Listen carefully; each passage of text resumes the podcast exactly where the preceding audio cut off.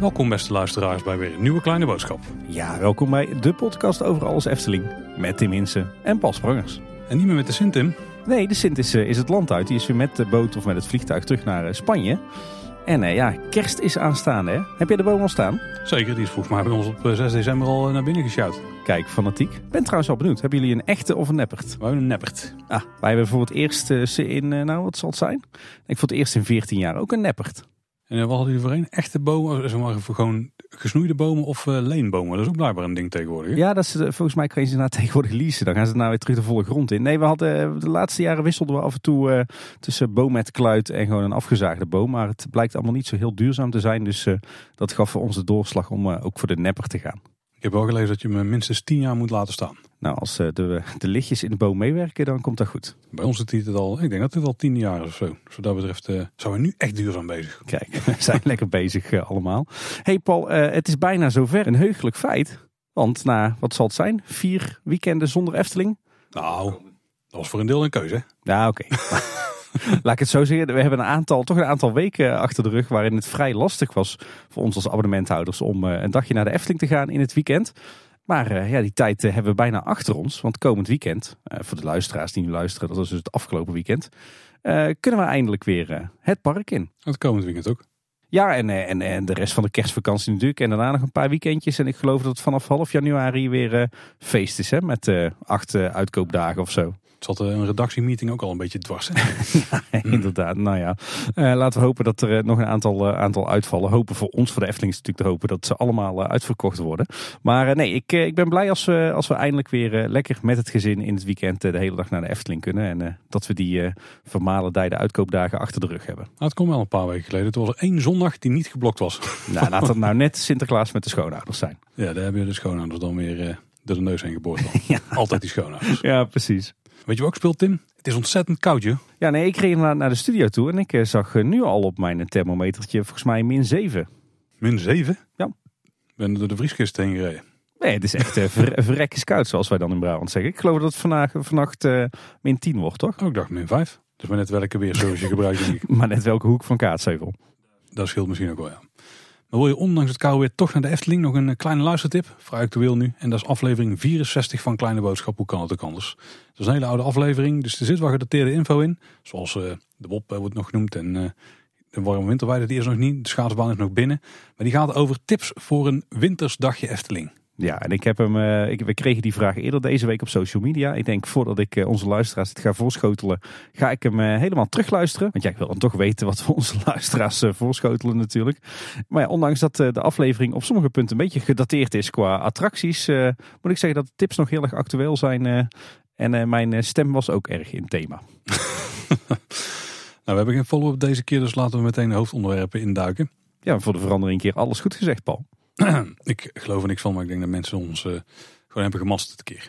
ja, artikel 5. Eh, De Winter Efteling die is natuurlijk nog steeds in volle gang en eh, er gebeuren nog steeds dingen. Het is niet dat de eerste dag van de Winter Efteling meteen het totale programma gepresenteerd werd. Want er zijn een aantal nieuwe toevoegingen. Zoals een nieuwe entertainment act, de Nicola Nelissen. Ja, die kwam volgens mij als, als verrassing, toch? Was die eerder aangekondigd? Het was mij onbekend, ze waren er gewoon in één keer. Wel tijdens een uitkoopdag, dus ik was nog even bang dat daar misschien iets mee te maken had. Maar het lijkt wel vaker langs te komen, toch? Ja, maar volgens mij eh, staat het ook nu als vast onderdeel van het winterentertainment in, eh, in de Efteling-app. Het zijn in ieder geval lange en korte Nelis uit de Koningszaal van Symbolica. Die, eh, die zijn er uitgekomen om ons te verblijden met hun muziek. En die hebben echt hele toffe kostuums. Die zouden echt zo uit Symbolica weggelopen kunnen zijn. Dus wat dat betreft eh on point. Ja, de mensen van het kostuumatelier hebben weer ontzettend goed hun best gedaan. Het ziet er prachtig uit. En eh, dat niet alleen, ook eh, Audiocult, de studio van René Merkelbach en consorten, die heeft een, een nieuwe mix gemaakt van het Symbolica-thema, speciaal voor deze act. En dit is dus niet het enige nieuwe. Want we hebben ook een nieuwe show. Daarvan wisten we al wel dat die eraan zou komen. A Wonderful Wintertime. En die speelt vanaf 10 december. En die loopt nog tot en met 5 maart in de weekenden en vakanties. En dat is dus het showtje wat gaat plaatsvinden in het Carouseltheater. Ja, het is een eh, internationale muzikale reis eh, met eh, meneer Tijd en mevrouw Tijd. Bekend natuurlijk vanuit Caro. En ze zingen met name Engelstalige liedjes, zodat iedereen kan genieten van, van hun act, ook de internationale bezoekers. Wat natuurlijk een ontzettend leuke bonus voor ons is, is dat het dus plaatsvindt in het Carouseltheater. Wat wat mij betreft toch een van de mooiste en uh, voor velen nog onontdekte plekjes in de Efteling is. Maar daar kan je deze winter Efteling dus uh, vrij uit binnenlopen om uh, die show te bewonderen en de zaal. Die supermarkt was handig, maar dit is toch een betere invulling voor zo. ja, dit is uh, zoals het uh, altijd al bedoeld was hè, voor uh, mooie shows en optredens. Ja. De Efteling die schrijft zelf trouwens op de blog dat, dat je bij het naastgelegen diorama winterse lekkernijen en warme en koude dranken kunt krijgen die je tijdens de show mag nuttigen. Maar voor zover ik weet gebeurt er dit jaar niks in het dioramahal en denk ik dat ze de carouselbar bedoelen. Maar misschien dat dit alweer gedateerd is en als we komend weekend of de kerstvakantie de Efteling ingaan dat, dat ook de horeca in de dioramazaal open is. Uh, wel opvallend dat je die gewoon mee naar binnen mag nemen tijdens het optreden. De heeft zelf al een dikke spoiler weggegeven over de muziek die wordt gebracht. Maar wij zullen het niet helemaal voor je spoilen. Maar je kunt wel uh, stellen dat heel veel van de bekende winterhits, de Engelse winterhits, dus allemaal langskomen. En de Caroling die is uh, wat sterker dan dat alleen meneer en mevrouw de tijd daar staan. Want ze hebben ook een, grote sleutel en als ze daar aan draaien, dat is een Caro, dan spelen ze dus met de tijd. En uh, daardoor komen ze op alle momenten waardoor ze bepaalde liedjes gaan zingen. Ja, dus je zou kunnen zeggen dat ze eigenlijk uh, Caro gemixt hebben met Sky Radio. En uh, nou, dat is, dat deze show. Dat is een vrij goede omschrijving. Ja, eigenlijk is natuurlijk gewoon het hele Caro sausje een excuus gewoon om die, die bekende wintersongs te brengen. Ja, en ik denk ook een, een goede upsell voor Caro zelf. Daar zal ik zeker wel mee helpen, ja. ja. En dit is die show die we waarschijnlijk vorig jaar anders hadden gezien al. Ik heb hier dus nog niks van gezien. Ik ga je wel kijken, want die muziek kan me wel bekoren. Ik denk wel dat het bij één keer blijft mij kennende. Maar wie weet, misschien, uh, misschien verrassen ze me. Of misschien vinden de kinderen het helemaal de bom en dan moeten we iedere keer er naartoe. Zou zomaar kunnen. Ik heb het zelf trouwens ook nog niet gezien, want deze show speelt natuurlijk alleen in de weekenden. Net zoals trouwens uh, de Nicola Nelissen. Dus uh, aangezien we de afgelopen weekenden er telkens niet in mochten in het park, moet ik dit ook nog gaan zien. En ook wij gaan zeker kijken. Al is het maar voor de link met Caro en voor het Carouseltheater zelf natuurlijk. er staat wel een leuke videocompilatie online. Die is gemaakt door Loopings. We zullen er even naar linken in de show notes. En die vind je natuurlijk op kleineboodschap.com of bij jou in de podcast app. Um, en ik zag ook wat foto's voorbij komen van de act. En wat me opviel is dat ze achter het, het rode vloerse doek een heel mooi decor hebben opgebouwd. Met zo'n arreslee. En op de achtergrond een beetje een ja, toch wel Eftelings besneeuwd landschapje. Met onder meer zo'n typische piekse boom op de voorgrond. En ook een heel, heel knus dorpje. Dus dat ziet er, ziet er heel vrij uit. En voor iedereen die het carouseltheater niet kent, het is gewoon een vlakke vloertheater. Dus iedereen die zit er op stoelen en je kijkt richting het podium, dat is wel verhoogd. Dit is ook een zaal die wordt gebruikt voor evenementen, dus dan kunnen ze die flexibel indelen. In sommige settings is er dan ook vaak een bar achterin. Er was wel wat discussie over, is dit de mooiste setting voor zo'n show? Ja, daar werd volgens mij geroepen van uh, het zijn gewoon een stel uh, goedkope stoelen van een of ander evenement. Nou, dit zijn volgens mij de stoelen die al 30 jaar in die zaal staan. Dus uh, ik ken het daar niet anders. Wel degelijke stoelen als zo lang meegaan. ja, precies. we kennen ze trouwens ook van de, de pubquiz van de Vijf Zintuigen. Die vond ook gewoon plaats in het Carouseltheater op die stoelen. Ja, nee, er vinden natuurlijk heel veel evenementen en shows in deze zaal plaats al jarenlang. En bij mij weten wordt hier nooit gewerkt met een verhoogde tribune of zo. Er staan eigenlijk altijd gewoon stoelen op een rij. En ja, wat jij zegt, omdat het podium wat hoger, uh, wat hoger is, kan iedereen volgens mij die show best aardig uh, zien. Dus uh, ja, denk een prima oplossing zo, toch? Ik moet het nog meemaken, maar ik kan me niet voorstellen dat ze hier een permanente uitschaafbare tribune zouden zetten. Of misschien zelfs wel een gehuurde, want dat is met het binnenkomen zo'n stuk minder handig. Ja, en die ruimte heb je volgens mij ook niet, hè? Nou, die ruimte zal vast zijn. Ik weet niet of dat de hoogte er is. Ja, die is ook wel vrij aardig daar. Ik vraag me ook af of het, of het echt nodig is, hè? want het is maar gewoon een van de vele winteracts. Ik denk ook niet oh, dat hier ja, ja. extreem druk gaat worden of zo. Geen idee, dat moeten we zelf gaan aanschouwen. Ja, ik kijk er echt naar uit. Ik denk dat we de eerstvolgende nieuwsaflevering over twee weken, dat we dan wel uh, onze ervaringen hierover kunnen gaan delen. Ik vermoed van wel. In ieder geval een uh, heel tof en rijkelijk gevuld uh, entertainmentprogramma deze winter Efteling. En ook voor de merchandise liefhebbers is er weer wat nieuws. Tenminste, het is niet klassieke merchandise, maar er zijn Piotr buttons, drie stuk zelfs. Piotr is natuurlijk het, het sneeuwmannetje wat we kennen uit Carnaval Festival. En die kun je niet kopen, maar het is een troostprijs bij bepaalde spelletjes op de warme winterweide. Dat is echt wat voor mij, want ik vind nooit wat bij die spelletjes. Dus uh, nou ja, halen we op deze manier gewoon de troostprijs binnen. Ik weet niet of je die altijd krijgt. Misschien moet je er wel extra sip bij kijken. Komt goed. Oh, kijk, en anders zet je de kinderen gewoon in. Zoals altijd. Uh, er zit overigens ook een derde pjotter inmiddels in een boom op het Carnaval Festivalplein. Dus uh, meerdere plekken waar je die kunt spotten tegenwoordig. Je had het over, uh, over merchandise, Paul. En er is nog meer uh, wintermerchandise uh, uitgekomen. Of althans inmiddels beschikbaar. We hadden het natuurlijk al eerder over de, de Up. En wat mij betreft heel smaakvolle kersttrui. Of de foute kersttrui misschien wel. die is inmiddels binnen. Te verkrijgen bij volgens mij Efteldingen, Marskramer en op de Warme Winterweide. die gaan volgens mij weer behoorlijk hard. Dus als je er eentje wil, zorg dat je hem nog snel bemachtigt. En ook alle andere items die nog moesten uitkomen van die, die nieuwe merchandise lijn rond dat, dat kristal op dat amulet. Die zijn inmiddels ook allemaal beschikbaar. Waaronder bijvoorbeeld een aantal hoodies. Ik moest trouwens wel lachen. Ik, ik stond van de week op de warme winterweide in de merchandise stand. Uh, was met iemand mee die het een en ander wilde kopen. En uh, op, opeens uit het niets klinkt er toch een knal bij die tent. En ik schrok me eigenlijk helemaal kapot. Ik denk, wat gebeurt er? Stort er ergens een podium in of is er ergens een bom afgegaan? Maar de show van VDV en Pinocchio die begint met een, een enorme onweersklap. Alleen die blijkt dus van achter die merchandise stand te komen. en dat was hard. En ik, schrok, ik was echt helemaal uit het veld geslagen. En die mensen daar die zijn wel ingelicht hoop ik. De, de verkoopster die leek redelijk, die leek niet echt verbaasd, nee. Het uh, verwachte artikel Tim over de horeca specials, in dit geval de zoete winterse horeca specials, is ook gearriveerd. En daarin is ook dat bij het verwende nest, dus dat is het horecapuntje in Spilbosnest natuurlijk, dat daar ook de bitterkoekjes Mijngoud kurkentrekker te koop is. Ja, wat zit erin? Bitterkoekjes, de ja. naam zegt het al, maar het is wel een, een aantrekkelijke. Ja, deze wil ik wel echt gaan uitproberen inderdaad. Ik ben wel dol op uh, bitterkoekjes sowieso, dus klinkt goed. Nou, wat natuurlijk niet mag ontbreken is de schrobbeleg pannenkoek, was ik, de kleine boodschap special. Ja, precies in Polles Keuken. En daar waar ook nog een kleine update, want ben je onder de 18 jaar, dan krijg je geen schrobbeleg parfait, maar dan krijg je vanille of chocoladeijs in plaats daarvan. Kijk, dan uh, kunnen we het kinderen ook voorschotelen. Ik zit te denken, Paul, we hebben helemaal onze belofte aan elkaar nog niet ingelost. Wij zouden nog uh, met z'n tweetjes uh, alsnog de kleine boodschap pannenkoek gaan eten, toch? Ja, ik heb de dingen dus nog steeds niet op. toch maar eens even de agenda strekken. Nou, volgende week even een momentje prikken, denk ik. Werklunch. Ja, verder zijn een hoop van de classics weer terug. Hè. De kaneelbroodjes, uh, verse stroopwafels, een winterse wafel en de winterspin. Dus met zo'n uh, fancy lampje erin. Ja, en ik zag dat de winterse wafel met stoofpeertjes is. Die ziet er toch ook wel goed uit. Dus uh, binnenkort maar eens naar de suikerbuik. En ja, de kaneelbroodjes hebben we inmiddels al in veel fout geprobeerd. Mag ik het Efteling Horeca Team nog een tip geven? Ja. Misschien de kleine boodschap special omtoveren in een wafel?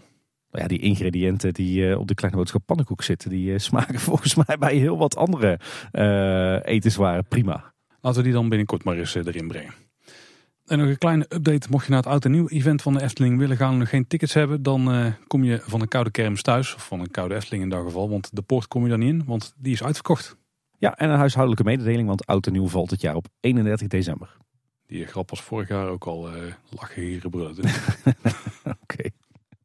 Hey, uh, nog wat uh, mooie toekomstmuziek, denk ik. Uh, er was een tijdje terug een besloten bijeenkomst van de TEA, de Themed Entertainment Association, als ik het uh, goed zeg. Zeker. En er werd een presentatie gehouden over uh, de verledenheden en toekomst van de Winter Efteling. En daarbij kwamen ook wat uh, beelden voorbij voor mogelijk een toekomstige mascotte voor de Winter Efteling. Die in de winter van 2023-2024 te zien zou moeten gaan zijn. Namelijk Koning Winter. Uh, werd gepresenteerd door Karel Willemen en uh, Bas van Rijsbergen. Bas is natuurlijk uh, recent toegevoegd aan het ontwerpteam van de Efteling. En ja, het lijkt er toch op dat we dat personage volgend jaar terug gaan zien in het park. Loopings heeft natuurlijk even nagevraagd gedaan bij de Efteling hoe dat dit zit. En een woordvoerder die bevestigt dat er inderdaad intern aan het Koning Winter concept wordt gewerkt. Het ligt schijnbaar op de plank, maar het concept is nog niet definitief. En de tekeningen die we hebben gezien zijn slechts schetsen. Oeh. En die uh, zinsnede kennen we natuurlijk uh, na, toen uh, er ineens een stationnetje op de impressie van het Efteling Grand Hotel verscheen. In het Efteling synonieme boek staan die op dezelfde pagina. Ja. ja. voor iedereen die fanatiek toertjes aan het doen is langs alle guirlandes in de Efteling. Er is nog een bedrijf wat wij warm toe dragen, wat ook helemaal into de guirlandes is, Tim. Ja, ik dacht dat wij het begrip uh, guirlande helemaal uh, oonden. Maar uh, zelfs de Lego groep gaat er tegenwoordig mee aan de halen. Ze hebben volgens mij een, een leuk promofilmpje voor de kerst in elkaar gesleuteld. En dan wordt een Lego huisje met Lego guirlandes opgesierd. De term hanteren ze niet, maar het is wel overduidelijk. Ja. En we gaan eens kijken bij Dans Macabre, want daar gebeurt nu echt van alles. Ze zijn er echt aan het bouwen geslagen. Eens even kijken naar het showgebouw. Ja, die eh, bouwplaats is eh, bouwrijp, zoals we dat dan eh, in vakjargon noemen. Dus het, het, is mooi vlak, mooi aangevuld met mooi geel zand. En zo'n beetje alle restanten van het spookslot zijn weg. Behalve natuurlijk dat stukje van de toren en de ronde zaal die ze natuurlijk bewust hebben laten staan. Het viel ons eerder ook al op dat er een stukje van de uitgang van de hoofdshow van het spookslot is blijven staan. En ik vroeg me af, als ik zo de foto's bekeek, of ze dat niet misschien hebben laten staan vanwege die boom die daar net achter staat in die bocht. Uh, misschien dat ze bang waren dat als ze die, uh, dat stukje uitgang zouden slopen, dat die boom er ook aan zou gaan. Dus dat ze bewust daarom nou net dat, dat fragmentje van de uitgang hebben laten staan. Want als ik het goed heb, is het het stuk ehm, dat als je de attractie uitliep, dan had je aan de linkerkant had je dat muurtje wat op een gegeven moment zo die eh, ja, zo'n halve, waar zo'n halve ronding in zat, zeg maar. Wat Ja. dan een beetje zo'n afgebrokkelde toren moest voorstellen. Of, een, of in ieder geval het silhouet van een toren die er ooit gestaan zou hebben.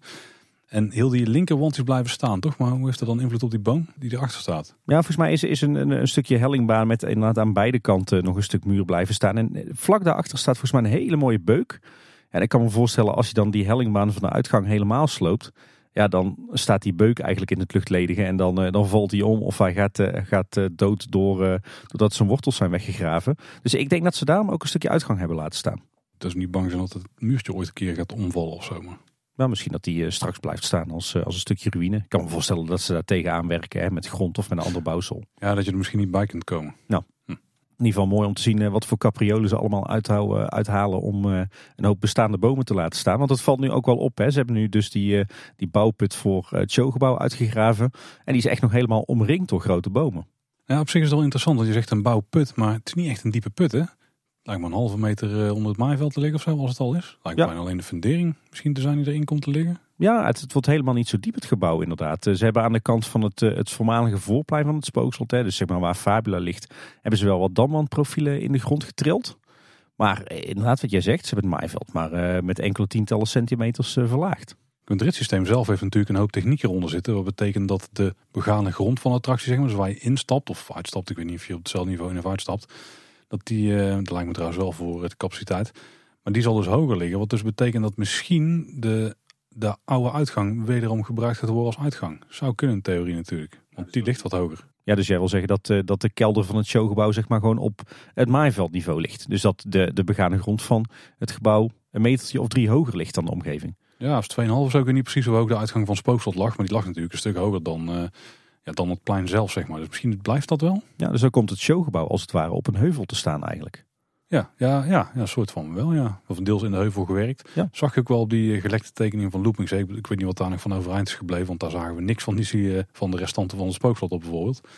Ik ben, ik wel benieuwd wat daarmee eh, gaat gebeuren. Is overigens ook wel meteen een, een goedkope manier van bouwen natuurlijk. Want je hoeft helemaal geen kelder uit te graven en er allerlei, allerlei streken voor uit te halen om dat eh, droog te kunnen bouwen en later waterdicht te houden. Ja, al het kelderbudget is eh, duidelijk in het hotel gaan zitten. Ja, dat kan je wel stellen, ja. En wat we nu dus zien aan bouwwerkzaamheden, dat de eerste schroefmortelpalen de grond ingaan. Ze zijn eraan boren. Ik heb van jou inmiddels geleerd dat ze dan eerst het beton erin kieperen en dan de wapening erin schuiven. Deze bouw loopt eigenlijk eh, vlak achter de bouw van het Efteling Grand Hotel aan. Hè? Ja, ze kunnen alle materieel kunnen zo doorschuiven. Al vermoed ik dat de, de paaldiepte die ze hanteerden voor het hotel misschien net wat dieper ging. Dat lijkt mij ook. Ja, dat hotel wordt natuurlijk een stuk zwaarder dan, eh, dan dit showgebouw. Tenzij eh Intaminder eh heel wat kilo's aan staal in gaat schuiven. Maar ik denk dat dat niet opweegt tegen het, het hotel en die zeven verdiepingen die daar op de kelder worden gebouwd. En de bouw is echt begonnen. We kunnen zeggen, het is een soort van verticaal aan het gaan, maar dan de grond in. Dat telt niet echt hè. Nee, nee, nee. Verticaal gaan is pas zodra je boven mijn Boven komt. Ja. We moeten de definitie misschien even wat scherper zetten. Ik zag trouwens wel dat er, eh, dat er eh, opnieuw gemetseld wordt in, dat, eh, in de kelder van dat resterende stukje spookslot. Hè, waar wat, wat techniek verstopt zit die ze niet konden afbreken. Eh, ik denk dat daar een definitief muurtje en een deurtje omheen wordt gezet. En ik zag ook nog wat plaatjes van de proefmuur die ook op de bouw staat. Inmiddels is die mooi afgewerkt met wat stukwerk en wat betonafdekkers. En ik moet zeggen, als dit de afwerking is van het showgebouw aan de buitenkant, dan ziet het er toch verdomd veelbelovend uit. Nu wordt het eh, heel chic, ja. En dan is deze volgens mij nog niet eens echt ingeschaduwd. Wil je er nou allemaal zelf aanschouwen? Eftel Wesley die lijkt weer vrijwel dagelijks, of in ieder geval Ja. om de zoveel dagen, een uitgebreide videoreportage online te zetten. Dus eh, check zijn YouTube kanaal of, of onze show notes, want er staat natuurlijk gewoon een linkje in. Vrijwel altijd als ik de wachtrij van Fabula inloop, dan staat Eftel Wesley daar te filmen. Goede service van Wesley. Zeker.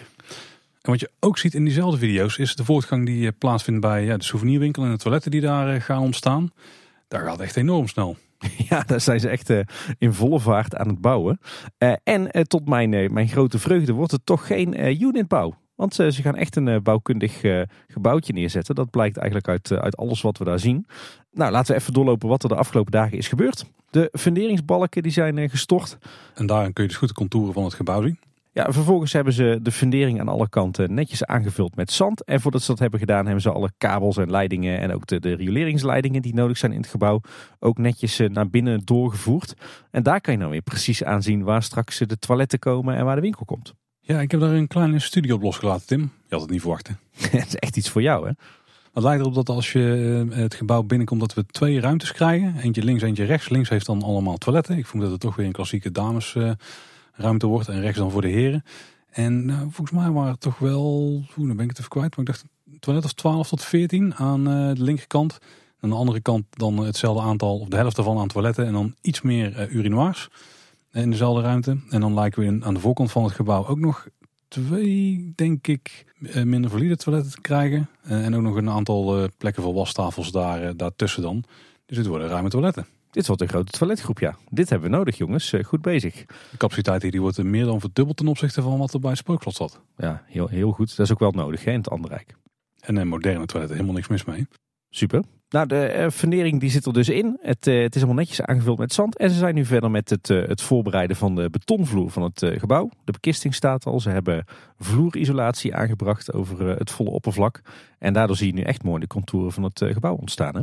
En wat heel tof is, of wat denk ik heel tof gaat zijn, is dat je op een aantal plekken in die, ehm, de voorbereiding van de vloer, dan zie je van die zwarte profielen uitkomen. Met een soort U-vormige, U-vormige beugel aan de onderkant. Vrij lomp, vrij groot. Met al een beetje themavorm erin. En die kwamen heel bekend voor, want volgens mij zie je die ook in Bekkerij Krumel zitten. En daar zitten al die houten staanders in, in het gebouw zelf. Ja. Dus het lijkt erop dat we weer aan de binnenkant van het gebouw ook van die klassieke houten staanders krijgen. Ik weet niet of het de rest van het gebouw is, maar in ieder geval een paar van die ja, staande balken in het gebouw zelf. Die lijken wel in thema te worden. Heel tof. Ja, dat is natuurlijk een bouwtechniek die we de laatste tijd wel vaker zien. Hè? Je zag deze profielen ook uh, voorbij komen in het huisje van vrouw Holle. En bij uh, de nieuwe overkapping bij vrouw Bolderskuche.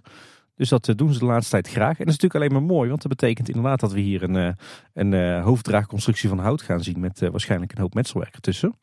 Uh, ze zijn nu ook druk bezig met het, het lijmen van de kalkzandsteenblokken. En er staan aardig wat pakken op de bouwplaats. Nou ja, wat ik al zei, daar kunnen we de, de conclusie uittrekken dat dit echt straks een, een bouwkundig gebouwtje wordt. Als ik het goed heb gezien, dan komen die staanders en in de, de souvenirwinkel en in de toiletten. Past trouwens wel heel erg bij dat ontwerp van dat koetshuis, hè? Oh ja. Een mooie houten, houten schuur als het ware. Of een mooie houten stal waar je binnenloopt. Ja, maar wat jij dan? Kalk met daar uh, hout aan de buitenkant tegenaan of zo?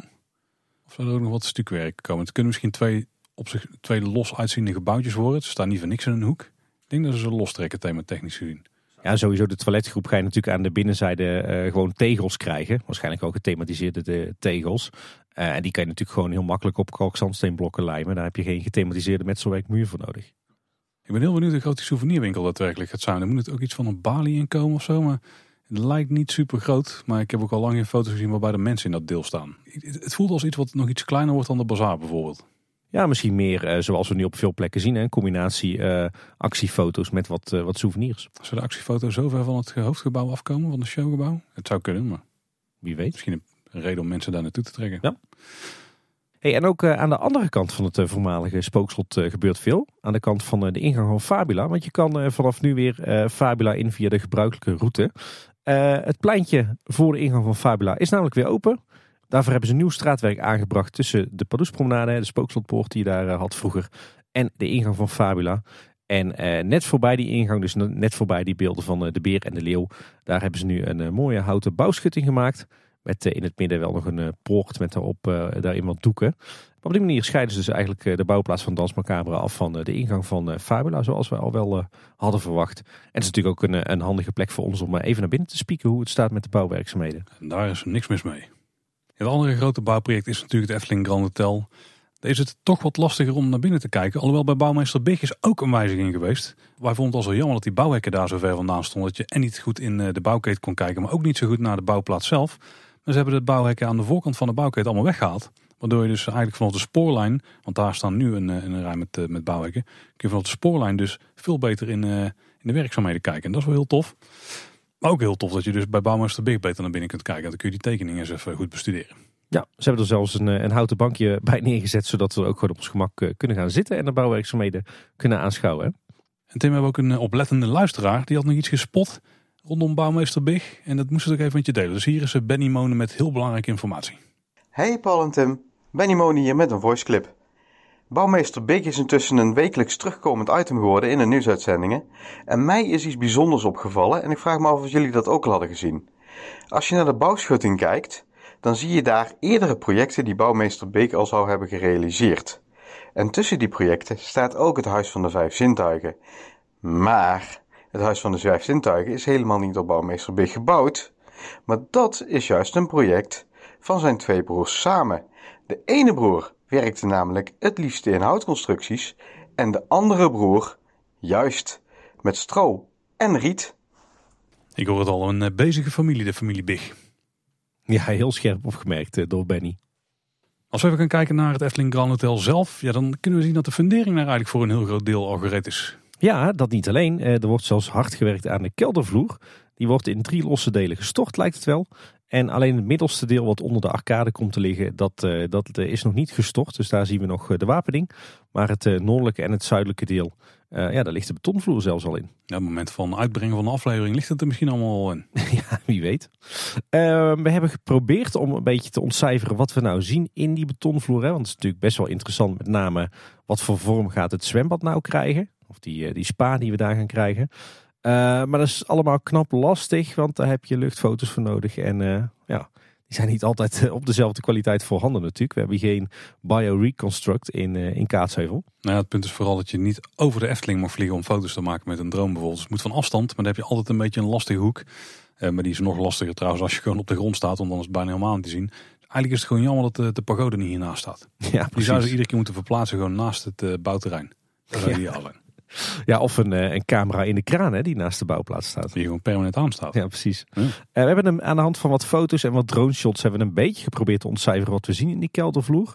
Het lijkt erop dat in het noordelijke deel, dus waar de spa met zwembad gaat komen, dat daar vier losse bakken of baden zichtbaar zijn. Misschien zijn het wel gewoon sparingen in de betonvloer, eh, waar, waar, de, waar de, de vloer van het zwembad zeg maar iets dieper komt te liggen. Eh, maar dan zouden het dus vier kleinere badjes zijn in dat geval. Eh, en het zuidelijke deel, dus het eh, deel aan de kant van Aquanura, daar, daar zien we de liftputten al. Maar goed, dat komt natuurlijk overeen met de bouwkundige tekeningen die we eerder hebben bestudeerd en besproken. Dus daar verder weinig spannends. En ze zijn nu al druk bezig met het, het zetten van de wapening van de kelderwanden. Dus zo komen we daar langzaam maar zeker ook uit de grond. Overigens zei ik wel net, we hebben geen bioreconstruct in, in Kaatsheuvel. Maar dat is niet helemaal waar, want we hebben natuurlijk vriend van de show, Nick Ringelberg. Die eh, vliegt af en toe met zijn drone. Overigens wel goed om even te melden dat Nick eh, eh, volledig is opgeleid over alle papieren beschikt en zich ook altijd netjes aan alle regels houdt. Maar Nick die schiet geregeld filmpjes en foto's met zijn drone van, van buiten het Efteling terrein. Ehm, en die deelt hij dan met ons. We delen die ook vaak op social media. En we zullen nu ook een linkje in de show notes zetten naar wat foto's van Nick. En ja, op die manier proberen we toch de bouw van het hotel zo goed mogelijk te volgen. Nu is het natuurlijk zo dat vanwege de bouw van het hotel een eh, aantal facilitaire gebouwen zijn gesloten. Waaronder een toiletgebouw net naar de kaartcontrole. En dat is natuurlijk iets wat we nu missen in het park. Er is wel een tijdje geweest dat de Efteling eh, Theater toiletten open waren geweest om dan een beetje op te vangen. Maar er is nu een eh, tijdelijke toiletunit van Boels achter Efteldingen geplaatst. Nou, straks als het hotel klaar is, dan gaan natuurlijk daar de toiletten open. In de kelder als het goed is, als we de bouwtekeningen allemaal mogen geloven. En dan zal die niet meer nodig zijn. Maar die kunnen we denk ik hier wel een hele tijd verwachten. Ja, wel, eh, wel jammer. Eh, erg eh, lelijk moet ik zeggen. Zo'n zo'n tijdelijke unit van Boels midden in je entreegebied. Het zou toch mooi zijn als ze die op de een of andere manier een beetje kunnen aankleden, toch? Of spaanplaten tegenaan. Misschien kunnen ze hem ook inpakken in eh Go Away Green houten platen. Ja, precies. Ik weet niet of dat er heel veel mooier van wordt. Maar nou ja, als ze dan wel aanplanten tegen rondomheen zitten. Er zijn mogelijkheden. Nou, vol- volgens mij heb ik al wel eens gezien dat ze, dat ze dit soort units, dat ze daar gewoon met, eh, met van die stickerfolie eh, gewoon om de unit heen trekken. En dat ze daar dan eh, een of ander mooie fotoprintje op zetten. Zou ook zomaar kunnen. Ja, en dan het laatste hoofditem, Tim. En dat gaat over panorama. Want we hebben natuurlijk al maanden, jaren over misschien wel wat er gaat gebeuren met het panorama à la carte. Dat is het gedeelte aan de voorkant van, van het restaurant. Het gedeelte wat richting de wereld van Simmeld ligt. Of eigenlijk officieel in de wereld van Simmeld ligt. En er gaan al heel lang geruchten dat de Efteling daar grootste plannen voor had. Nou, Die geruchten die zijn ook meermaals teruggekomen in verschillende vormen. Maar daar lijkt allemaal niet te gaan gebeuren. Want de kogel lijkt door de kerk. Laplace gaat begin 2023 ook dat deel van het gebouw overnemen. En eh, ja, die gaan daar toch wel iets unieks doen, denk ik. In ieder geval uniek voor Laplace. Ja, dat weten we eigenlijk nog niet, hè? Wat we in ieder geval via loopings hebben begrepen is dat er een eh, verbouwing gaat plaatsvinden.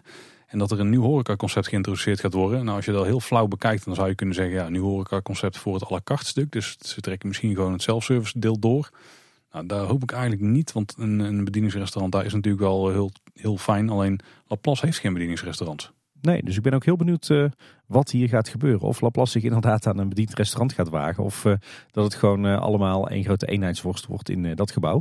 Maar ja, in ieder geval betekent dat dat vanaf begin 2023 heel panorama van Laplace is. Of door Laplace gehuurd wordt eigenlijk. Hè? Ja, uitgebaat hè. Ja. De Efteling zelf die wil nog niks zeggen over dit project op dit moment. Maar een woordvoerster van Laplace die bevestigt wel de komst van een nieuw restaurant. Maar aanvullende informatie die geven ze verder niet. Nee, ik verwacht het na de jaarwisseling dan ergens een blogbericht vanuit de Efteling, toch? Ja, uiteraard. En die zullen samen nog wel van alles moeten afstemmen.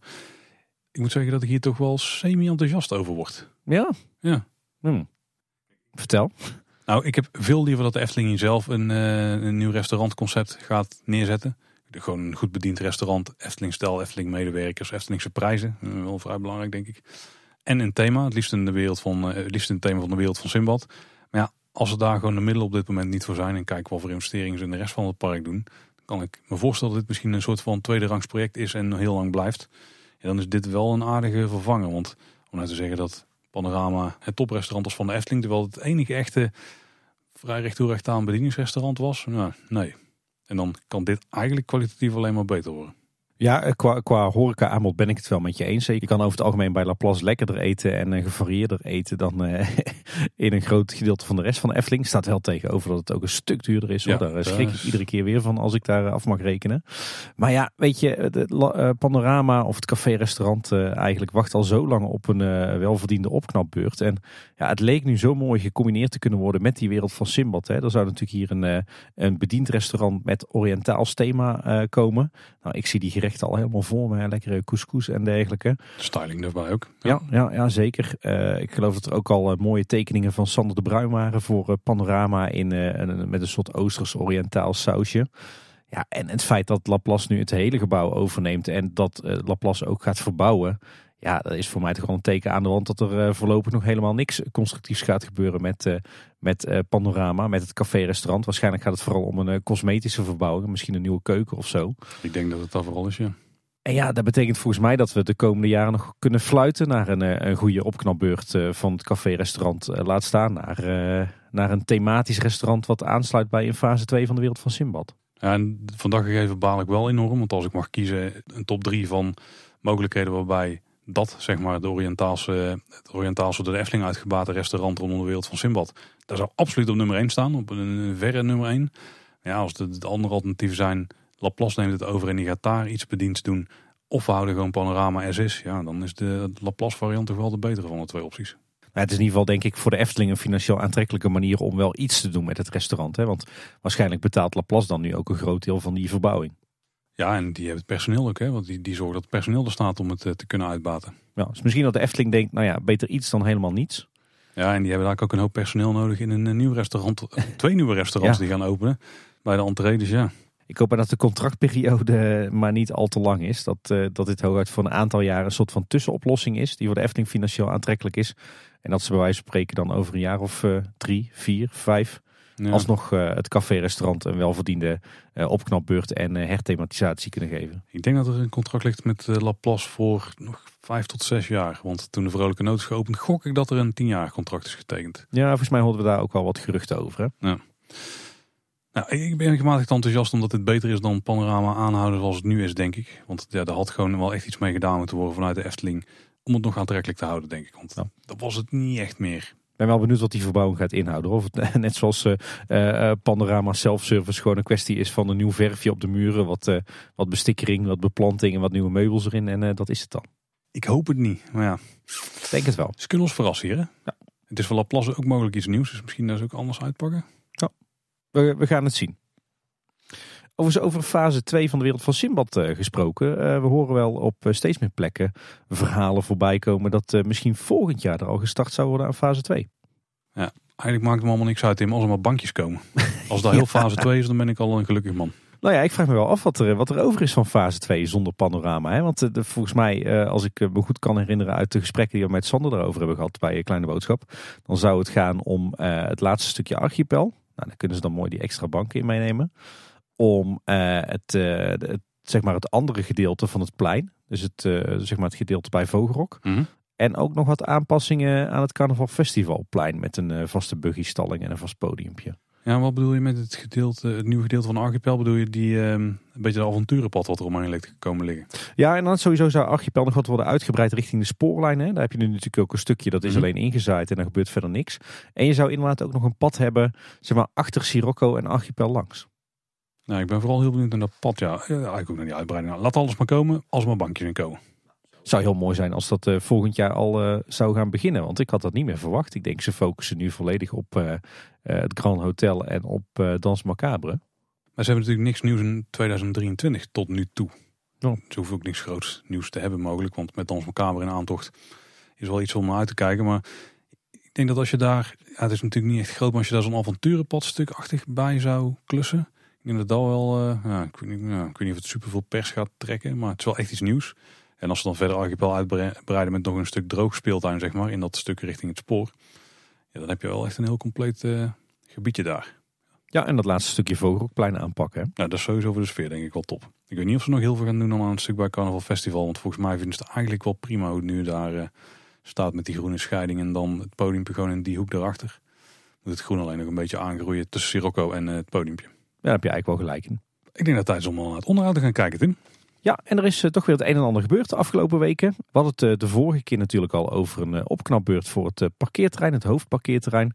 Waar heel wat tegels schots en scheef liggen door, door de bestaande bomen.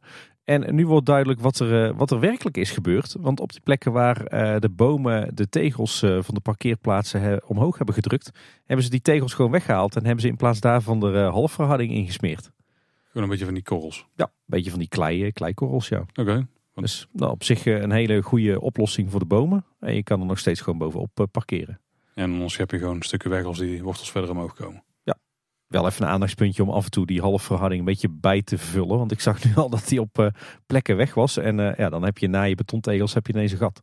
En ook een beetje oppassen als het veel regent, denk ik. Dan heb je daar ook een soort gratis waterspeeltuin. Hè? Ja, met dezelfde kleur strand. Precies. Nou. Die, die kleur is het ook. Die kleur is Ja, ja. ja. win-win situatie zou ik zeggen. Hey, en eh, volop activiteit bij eh, de plantenkas. Eh, daar zijn inmiddels eh, alle schalen weer aangeplant met eh, bollen. Dus dat is een, een mooi teken dat we volgend jaar in het voorjaar toch ook weer heel wat bollen gaan zien in de Efteling. hey, dan waren we vorig jaar om deze tijd voor de opname daar. Zeker. Toen was het ook net gedaan. Toen had jij je handen vol met stekels. Ook ja, dat is een anekdote die komt nog wel een keer. En iets wat, wat me trouwens ook opviel. alle exotische planten zijn inmiddels wel uit het park gereden. Maar die staan allemaal nog buiten de kas.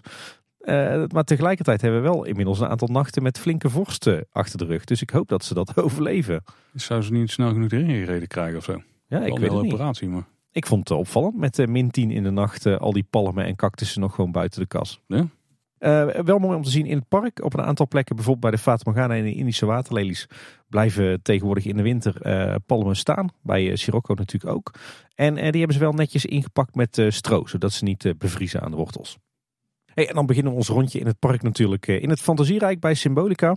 Opvallend eh, dat er al langere tijd eh, nu defecten zijn aan eh, de bloemen in het botanicum. Dat eh, mooie, eh, die mooie knipogen eigenlijk naar de techniek van Peter Reinders, die we nog kennen van de Chinese nachtegaal uit de jaren 50. En in het Wonderdepot heb je ook eh, wat van die typische Henny Knoet eh, bollampen aan het plafond hangen. Die horen een beetje op en neer te wiegen, maar die doen het ook al langere tijd niet. Dus die effecten hebben nog wat, wat zorg nodig. Verder werkt de attractie als een zonnetje. Even checken, die lampen die wiebelen niet meer of ze branden niet meer? Die, die wiegen niet meer op en neer. Ah, oké. Ze branden nog wel? Ja. Oh, oké. Hey, dan door naar het, het andere rijk. In de Fata Morgana is de afgelopen weken door de schilders volop gewerkt aan het opknappen van de meandering. Ziet er eh, prachtig uit. Daar hebben ze echt in korte tijd eh, heel netjes opgeknapt. Ja, kleine kanttekening. Ja, de borden met de foto's van de babydieren, die eh, hebben ze na de schilderbeurt eh, teruggehangen. Ja. Toch een beetje jammer, want die hadden wij het liefst in de containers zien belanden. Ja, die hebben echt helemaal niks met de attractie te maken. Nee, nou ik, ik hoop in ieder geval dat de vochtplekken niet snel terugkeren. Ja, want, want er leek er in eerste instantie wel op dat die nog gewoon er doorheen kwamen. Ja, maar nu in de eindsituatie is het allemaal mooi eh, dekkend wit gesausd. Oké. Ze moeten natuurlijk wel nog even terugkomen om eh, de boel netjes in te schaduwen. Verder vindt er nog wat eh, onderhoud plaats aan de toiletgroep op het Fata plein. Die toiletgroepen die zijn af en toe is afgesloten en dan word je verwezen naar de, de toiletgroep in het Fata evenementencomplex. En wat opvalt is dat de kantelkamer in de attractie zelf dat die al een hele tijd defect is. Dus die, die staat stil. Wat mij opviel tijdens een rondje rondom de Efteling is dat er eh, flinke graafwerkzaamheden waren achter Fata Morgana. Er is eh, Eigenlijk tussen van Gaan en het Loonse Land zijn ze daar een deel aan het afgraven. Daar we het vorige keer al over gehad. Um, dat ligt ongeveer een halve meter lager dan het pad wat ernaast ligt. Dus parkeerplaatsen die zijn ermee uitgesloten, Tim. Dus die theorie gaat niet op. En toen zaten we ineens te denken, het is best wel een flinke, flink oppervlak. Maar zou dit misschien het stuk zijn waar ze die vergunningen voor hebben aangevraagd, waarvan ja, in de vergunningsaanvraag het dienstencentrum met gekenmerkt. Maar zouden ze dit stukje backstage, of eigenlijk ieder stukje backstage, dan als dienstencentrum zien of zo? Zou zo maar kunnen, want die vergunning die was aangevraagd voor het, het bouwen van de opslag. Nou, op het dienstencentrum uh, achter Vogel Carnaval Festival is niks te bespeuren van, uh, van werkzaamheden. Dus, uh, en dit ziet er wel uit als typisch een plekje waar je een overdekte opslag kan bouwen. En de, de, het formaat van de opslag, want het is groter dan een overkapping van 4 bij 5 of zo. Want die mogen ze volgens mij vergunningsvrij plaatsen. Het is bijna twee keer zo groot, denk ik. Dus hier moeten ze een vergunning voor aanvragen. Ja, ze zijn al een soort van begonnen. Dus het zal dit wel zijn, denk ik. Ja, en het, het ziet er een beetje uit alsof het inderdaad gewoon een, een overkapping of een loods wordt met uh, gewoon een tegelvloertje erin. Ik ben benieuwd wat ze hier uh, gaan stallen. Ja, misschien wel van die apparatuur hè, voor, het, uh, voor de warm-koude opslag. Ja, of wat accu of zo ligt die, veel dieper dan het pad. Dus dan moet je ze iedere keer een gat inrijden en dan weer eruit. Lijkt me niet zo praktisch. Dat is vrij onhandig inderdaad, ja.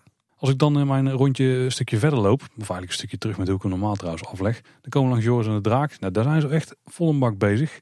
Je ziet nog wel af en toe stukken waar nog geen baandeel terug is geplaatst. Maar je ziet ook op heel veel plekken dat ze, nader die, eh, dat ze daarna die Titan Track al uh, erin hebben geschroefd. En dat is best wel een flink traject. Hè? Want ik dacht, eh, die Titan Track, die stalen, die stalen baan, die gaan we echt alleen zien in die bocht onder de kurkentrekkers van de Python. En dan echt alleen een stuk waar je, waar je naar beneden duikt, zeg maar. Maar het is gewoon al daar ruim voor. Volgens mij, al voordat je naar beneden gaat, wordt het al stalen track. Ja, echt al een beetje vanaf, vanaf de aanzet van die drop, zeg maar. Uh, je hebt de first drop, dan ga je weer omhoog. Dan heb je dat, dat hobbeltje over het station heen. Uh, en op het moment dat je dan omhoog gaat, uh, dan, dan, dan maak je wat vaart omhoog om dan daarna die bocht in te duiken. Op het hoogste punt, daar begint die Titan Track al. Ja. Dat is een uh, flink traject wat ze van ze instalen uitvoeren. Ja, dus niet dat je even een klein stukje stalen track dadelijk meepikt. Dus je gaat wel echt het verschil merken, denk ik, in de, in de rit. Ja, zeker omdat ze het, het loopvlak van de baan hebben ze gewoon koud op, uh, op die stalen delen gepopnageld, hè, geklinknageld. We kregen ook een vraag over van een luisteraar. Die schreef, wat zijn de gedachten over het vervangen van het houtpakket door het Ironwood en het deels volledig stalen track? Wat verwachten jullie van deze aanpassing en weegt deze aanpassing op tegen het karakteristieke gevoel van een 100% Woody? En daarnaast kunnen jullie aangeven hoe ver jullie de baan zouden vervangen door staal of Ironwood als dit ten goede komt van bijvoorbeeld de smoothness van de ride, volledig of deels, wellicht helemaal niet? Hmm, dat, is een, eh, dat zijn een heleboel vragen, maar wel heel interessant. Ja, ik denk dat je dit verschil echt wel gaat voelen. Want je hebt natuurlijk de, de gedeeltes van de baan waar gewoon nog hout onder de, de trek zit. Ja, dat hout dat veert lekker mee. Maar dit staal, ja, dat, dat gaat natuurlijk vrijwel niet meeveren. Dus je gaat volgens mij van een geveerde baan over een, uh, een vrij statisch stuk baan. Je, je moet dat toch gaan voelen. Zeker omdat er geen hout zit tussen die stalen constructie en, en het loopvlak van de baan. Ik denk dat dit vooral uh, een keer echt ervaren wordt. Wat nu het verschil is tussen hout en, en staal. Want normaal gesproken als je een stalen achtbaan hebt, ja, dan heb je toch weer net andere karretjes, zeg maar. Die zijn anders dan uh, houten achtbaankarretjes. Maar hier heb je echt dadelijk en het hout en het staal in dezelfde baan. Ja, kijk, uiteindelijk kunnen we deze vraag pas beantwoorden als we het hebben meegemaakt. Het is over een paar weken, bij de volgende nieuwsaflevering misschien al wel. Dan uh, hebben we het ervaren. Ja. Maar ik, ik vraag me af of dat je het verschil echt zo goed gaat merken. Ik zou namelijk in theorie denken van wel. Alleen omdat je nog steeds een karretje hebt dat toch zich een beetje, wat nog een beetje kan zoeken zeg maar, over die baan van hoe die precies rijdt kan zijn dat het, eh, het houten gevoel toch nog wel bewaard blijft. Want ik weet ook niet, zegt het hout veert lekker mee. Dat klopt op zich wel, maar het is ook niet dat het nou 10 centimeter afwijkt of zo, weet je wel. Het schudt gewoon een, beetje heen en weer, want je hebt meerdere planken op elkaar, dus nog steeds vrij stevig. Dus ik ben gewoon heel benieuwd. Ik denk dat we het gewoon moeten ervaren. Ik heb geen idee. Ja. Ja, dat is inderdaad, eh, inderdaad koffiedik kijken. Maar... maar misschien moeten we de vraag een beetje bijdraaien. Stel, de baan wordt er wel smooth door. Zou je, dan, zou je het dan erg vinden, zeker in het kader van duurzaamheid, dat ze hem in de toekomst volledig zouden vervangen? Ja, dat zou ik niet wenselijk vinden. Ja, als hij echt smooth, meer smooth wordt, dan uh, zou het denk ik niet wenselijk vinden. Maar als het echte Joris en de draaggevoel wel gewoon, en wat dat is voor mij dus het uh, flink schudden en uh, heel onverwachte bewegingen maken. Zeg maar als daar gewoon ja, in, in, in ere behouden kan blijven. Weet ik niet of ik het per se zo erg vind. Ja, maar weet je, de, de materiaaleigenschappen van staal versus hout, die, die, die, die verschillen gewoon gigantisch. Dus ik kan me er niks bij voorstellen dat die ervaring hetzelfde blijft. Eh, zeker niet als je de hele baan uh, zou gaan vervangen door staal. Ja, en weet je, voor mij is de charme van een Woody is toch juist die onvoorspelbaarheid. Dat, dat, gevoel van het hout, dat rammelen over die baan, dat schudden. Die banen zijn toch altijd net wat heftiger. En, en ja, weet je, een Woody, een houten achtbaan hoort toch ook van hout te zijn. Dus ja, ik snap dat ze nu een deel van de baan vervangen door die Titan Track uit oogpunt van sterkte en uit oogpunt van onderhoud. Maar ik zou er wel terughoudend in zijn. Ik zou nooit die hele baan vervangen door een stalen baan. Ik ben toch benieuwd hoe, uh, hoe goed het verschil echt gaan merken. Dan, dan krijg je een beetje zo'n soort coaster zoals je bijvoorbeeld uh, hebt in Disney's California Adventure op Pixar Pier. Ja, nee, maar die is wel echt compleet anders, want die heeft gewoon ronde buizen. Ja, dat is, dat is een stalen baan die omkleed is met hout eigenlijk. Ja, precies. Ja. En dan heb je natuurlijk dat die, de, de, de banden zelf, of de, de, wielen zelf, die hebben ook een beetje die ronding erin zitten. Dus ze altijd perfect op exact dezelfde plek blijven. Maar je hebt hier nog steeds gewoon vlakke loopvlak. En dat, dat betekent wel dat je voertuig gewoon een beetje op en neer kan, zeg maar. Wat dus wel de Woody ervaring is. Je hebt bijvoorbeeld wel de RMC's, maar die zijn ook helemaal berekend op zo'n uh, vrij smooth ride, zeg maar. Terwijl ja, dit is gewoon wel nog steeds dus de GCI layout. Dus ik ben, ik ben, ik ben echt heel benieuwd vooral. Ik, ik ben ja, best, ik... Wel, best wel hyped over eigenlijk. Ja, ja ik, ik ook. Ik kan niet wachten om weer een ritje op Joris ja. te maken hoor. Ja. Nou, dat wordt dus nog even afwachten. We gaan die vraag dan de volgende keer definitief beantwoorden. Maar ja. En, en, ik weet ook niet of dat GCI het zelf wel echt weet. Want het, de enige plek waar ze dit nu toe hebben getest is een, ja, een stukje in die coaster in Orlando. Uh, ik, ik, weet de naam even niet, maar daar is het gewoon een stukje, volgens mij een kleine dip of zo, die ze dan in metaal hebben uitgevoerd. Maar hier gaat het echt om bochtenwerk. Ja, dan gaat het natuurlijk wel over welke kant, wat gaat je karretje doen daarin. Ja, ik ben ook heel erg benieuwd naar de, de testen die we de komende weken gaan zien. En gaan horen. Ja. Ik ben heel erg benieuwd naar het geluid. Ja. Ik denk we nog een paar interessante weken te, tegemoet gaan. Alhoewel, het moment van opname is nog maar tien dagen tot heropening. Ja, laat maar komen. Wel trouwens mooi om te zien hoe dat ze die baandelen in elkaar zetten. Want dat, die bestaan, uh, het zijn, uiteindelijk zijn het een soort, uh, soort kokerprofielen. Maar die bouwen ze helemaal op uit, uh, uit losse, losse profielen en platen. En waar normaal gesproken dat soort stalen baandelen worden gelast. hebben ze hier gekozen voor de ouderwetse techniek van het klinknagelen. En dat heeft natuurlijk een groot voordeel. Want dat betekent dat je niet al die las hoeft te inspecteren. Want die klinknagelverbindingen die zijn veel, die gaan veel langer mee dan lassen. En je hebt veel minder kans op scheuren. En zeker op haarscheurtjes en zo. Hele mooie ouderwetse techniek die, die wordt gebruikt door GCI. We zullen een linkje in de show notes zetten naar wat uh, detailfoto's van een, uh, een Efteling liefhebber. Dan kun je mooi zien hoe dat ze die baan ter plekke eigenlijk helemaal in elkaar klinknagelen. Ziet er wel super arbeidsintensief uit het maken van zo'n ding. Ja, het is echt mecano in het grote. Ja, ja, maar ook omdat je, het is niet dat ze uh, een soort productielijn kunnen hebben waarbij ze alleen maar dezelfde baandelen maken. Maar ja, die zijn natuurlijk allemaal gevormd naar de baan. Dus ieder stuk is gewoon uniek. En zet het allemaal met de hand, denk ik, voor een groot deel elkaar. Die, die stukken metaal zullen uit een apparaat komen, maar het aan elkaar klinken. Ja, dan moet je toch uh, steeds gewoon met de hand mikken, gok ik. Ja, ja, en het is ook niet zo dat ze zeg maar op de houtconstructie die baan maken. Nee, die wordt echt uh, op de grond wordt die uh, voorgemonteerd. En elementen van een paar meters lang. Helemaal met de, de juiste bochtstralen. En als die helemaal klaar is, dan wordt die opgehezen. En dan wordt die ja, zeg maar op de houtconstructie gelegd we hebben het ook wel allemaal over het staal, maar ik ben ook wel benieuwd hoe het de armmoed gaat voelen. En of het, dat je dat überhaupt gaat merken. Ik bedoel, het is steviger hout. Het zit eigenlijk tussen het oude hout en eh, de metalen delen in qua stijfheid, denk ik. Dus ja, iets minder elastisch, denk ik. Misschien hebben ze zelfs wel een overgang gemaakt met armmoed ertussen. Nou, ik weet het niet, we gaan het allemaal meemaken. Ja, en eh, volgens mij gaan een aantal van onze vragen ook wel beantwoord worden door uh, de vrienden van uh, Theme Park Science. Want uh, die heb ik ook al rond zien lopen met de camera. Hey, er gebeurt trouwens nog meer. Ik zag dat uh, Draak Etna langzaam maar zeker uit de stijgers komt. En die staat weer mooi in de kleur. Dus die hebben ze mooi opgeknapt. En er wordt op dit moment ook volop gewerkt aan de, de keerwandjes en het straatwerk. Zeg maar het, het pad tussen de uitgang van Joris en de Draak en ja, de, de Piranha en de wandelroute naar Fata Morgana. en we zagen ook wat, wat betonnen meerpalen voorbij komen. Dus misschien dat ze, die zijn nu nog van, van hout. Alleen die rotten natuurlijk weg op termijn. En ik kan me zo voorstellen dat die uh, nu preventief worden vervangen door uh, betonnen exemplaren. Nou viel het ons op dat Python vaak kort en onderhoud was. Bijvoorbeeld op 6, 9, 12 en 13 december.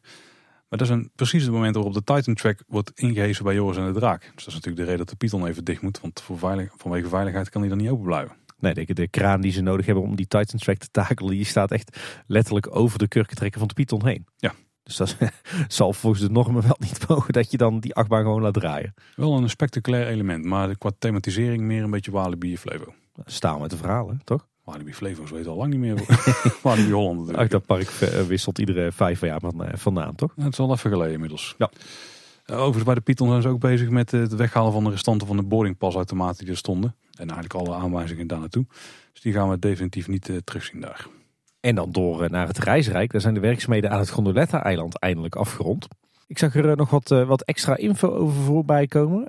Zo blijkt de aanleiding te zijn van dat, van dat projectje. Waarbij ze natuurlijk een deel van dat eiland opnieuw hebben aangeplant. En opnieuw hebben ingericht met een nieuw eilandje. de aanleiding bleek te zijn dat de oude beplanting dood was of in slechte staat. Dus die, die hadden we goed ingeschat. En wat ook een mooi detail is, is dat alle gerooide beplanting, alle gekapte bomen en de vrijgekomen grond ter plaatse opnieuw zijn verwerkt. Dus dat is natuurlijk heel duurzaam. Inmiddels is alles netjes aangeplant. Ik moet zeggen, het ziet er heel erg gevarieerd uit en ook best wel wilderig. Dus dat hebben ze mooi gedaan. En ook Stonehenge, of het Frikandellentheater, of hoe je dat verborgen plekje in de Efteling maar wil noemen, die is weer netjes opgeknapt en geopend voor het publiek. Verder viel mij op dat uh, eigenlijk langs het pad van, de, van uh, de pagode richting uh, het, het zeg maar de wereld van Simbad, dat er op heel veel plekken allemaal dranghekken voor of in plantsoentjes staan. Ik ben heel erg benieuwd of dat ze hier, hagen of hekwerk hebben weggehaald. Ik, ik, heb het gevoel van niet. Of dat het misschien een voorzorgsmaatregel is bij grote drukte dat mensen niet in de plantsoenen gaan staan. Ik durf het niet te zeggen. Dus wie meer weet over de reden achter al die hekken in plantsoenen, laat, laat van jezelf horen. Verderop eh, in, eh, in het reisrijk valt op dat de archipel weer zonder water staat. Dus eh, die gaat droog de winter door. En in Carnaval Festival ging het lange tijd beter met de Moulin Rouge in het, de Frankrijk-scène. Maar inmiddels zijn de problemen terug en ook wat omvangrijker. Want alle hartjes van neon in de Moulin Rouge die zijn defect of bijna defect. Dus dat blijft toch echt een zorgenkindje. En tot slot iets opvallends. Want Jokies Wereld, eh, de winkel naast Carnaval Festival, die heeft natuurlijk uh, ja, van oudsher zo'n uh, houten dakopbouw met erop uh, ja, ook in hout plaatmateriaal. Allemaal miniatuurtjes van Carnaval Festival. Hè, en dat beweegt ook het, het een en ander aan. Dat wordt op dit moment helemaal verwijderd. Niet alleen de decortjes, maar ook het, het plaatwerk erachter. Ben benieuwd waarom. Zou dit groot onderhoud krijgen of vervangen worden? Of zou het gewoon überhaupt verdwijnen? Want eigenlijk is het gewoon ja, een, een loze dakopbouw, gewoon puur, uh, puur decoratief. Er zijn natuurlijk in het verleden geregeld uh, elementen van dit decortje naar beneden komen zeilen en op het plein beland. Misschien dat ze daarom uh, nu zeggen van joh, we vertrouwen het niet meer, we, haal, we halen het maar weg. Maar ik ben benieuwd of, of het terugkeert. Ik zou het niet eens erg vinden als het niet meer terugkomt hoor. Nee, het is een beetje jaren tachtig hè? Beetje? Een beetje op en top jaren tachtig. Ja, precies. Dan naar het Marenrijk. Uh, goed nieuws. De bouwvergunning voor het één op één vervangen van de kleine zweefmolen is inmiddels verleend. Dus ik ben heel erg benieuwd of we daar binnenkort uh, werkzaamheden gaan zien. We wachten natuurlijk nog steeds uh, op een blogbericht over de details. En ik zag wel een mooie foto vandaag voorbij komen van, van Cindy. die had op de gevoelige plaat vastgelegd dat in de wachtrij van Droomvlucht... dat daar een hele berg, ja wat was het eigenlijk, kunstbloemen die in, uh, in een soort foam gestoken zijn uh, liggen.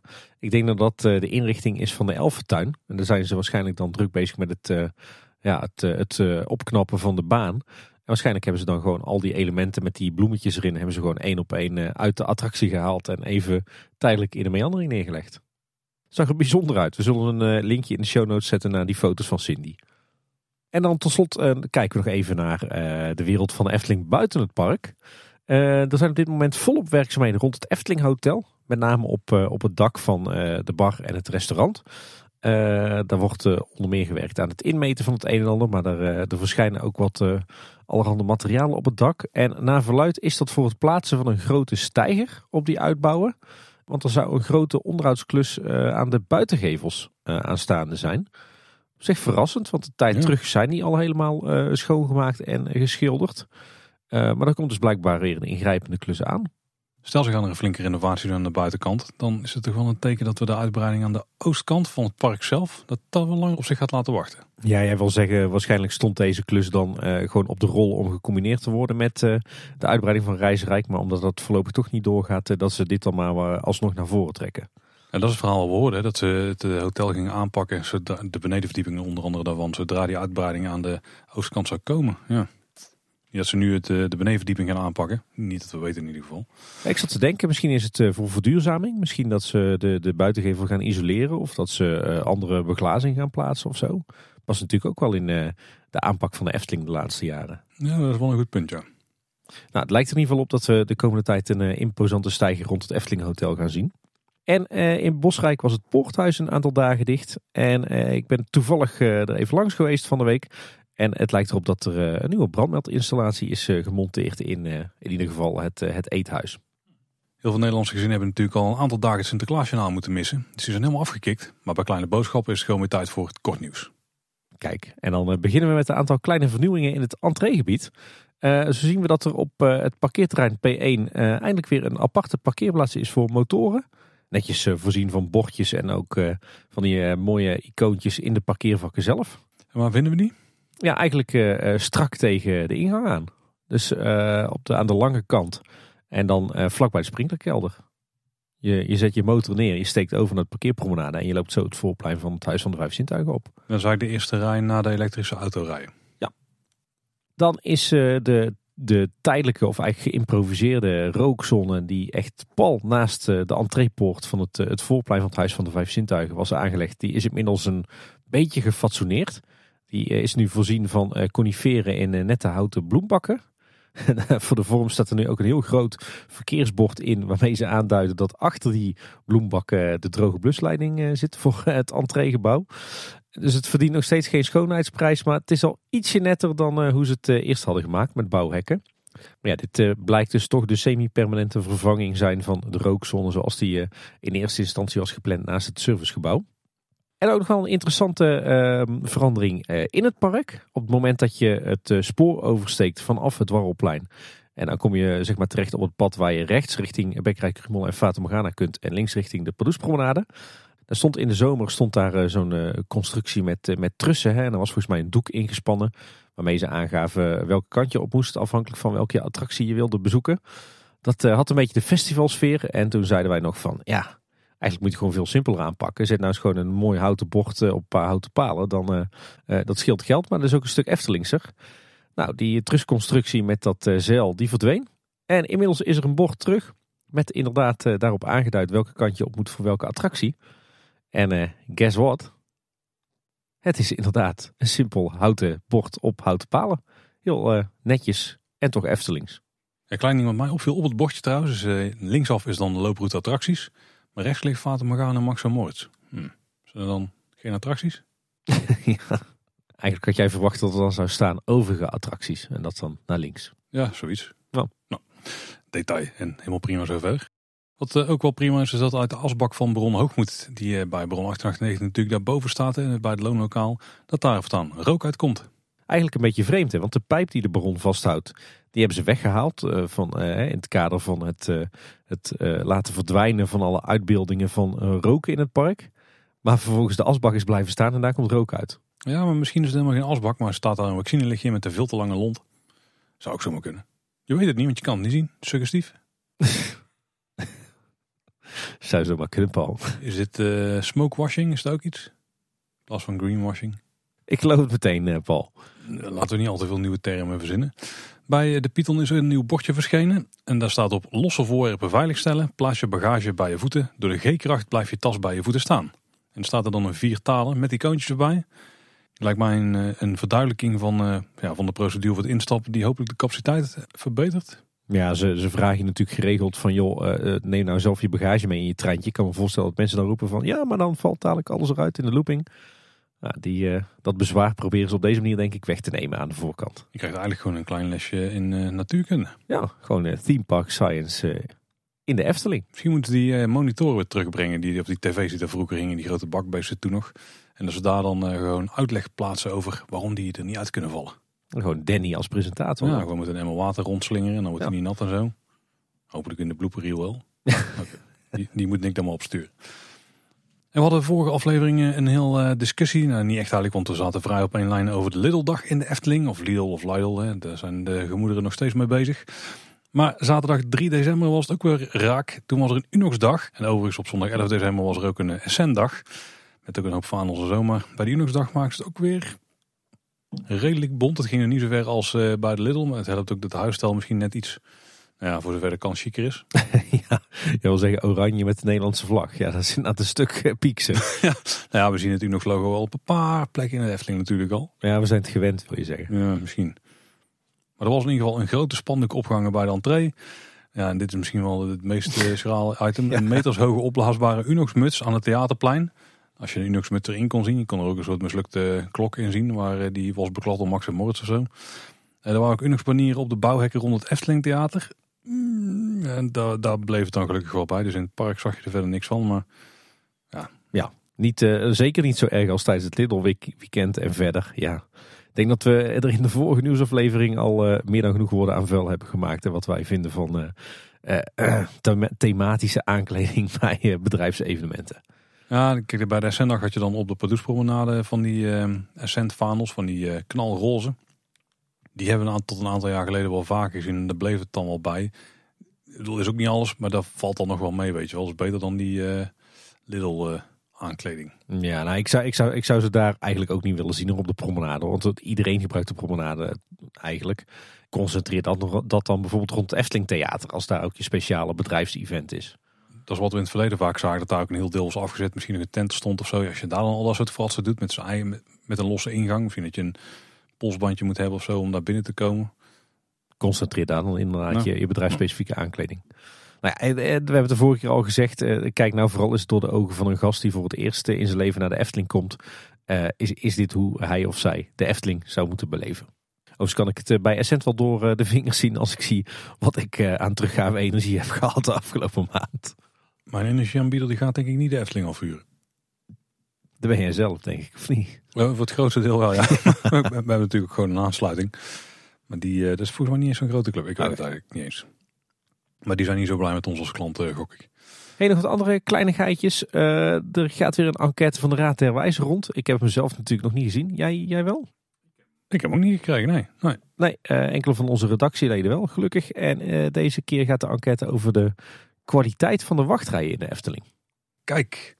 Daar is het nodige over te zeggen, denk ik. Ja, het is natuurlijk goed om te weten dat ze bij dit soort onderzoeken niet gewoon lukraak een onderwerp pakken naar onderzoek naar gaan doen. Uh, dat dit dus waarschijnlijk een onderwerp is wat leeft binnen de organisatie en dat ze daar dingen mee willen gaan doen. Ik denk dat als we heel veel van de uh, thematische attracties kijken in de Efteling, en dat is het gros natuurlijk, en zeker naar de, degene die, uh, ja, die er al wat langer staan, dat daar de wachtervaring nog wel wat opgekrikt kan worden. Dus ik vind het heel bemoedigend dat ze hiermee bezig zijn.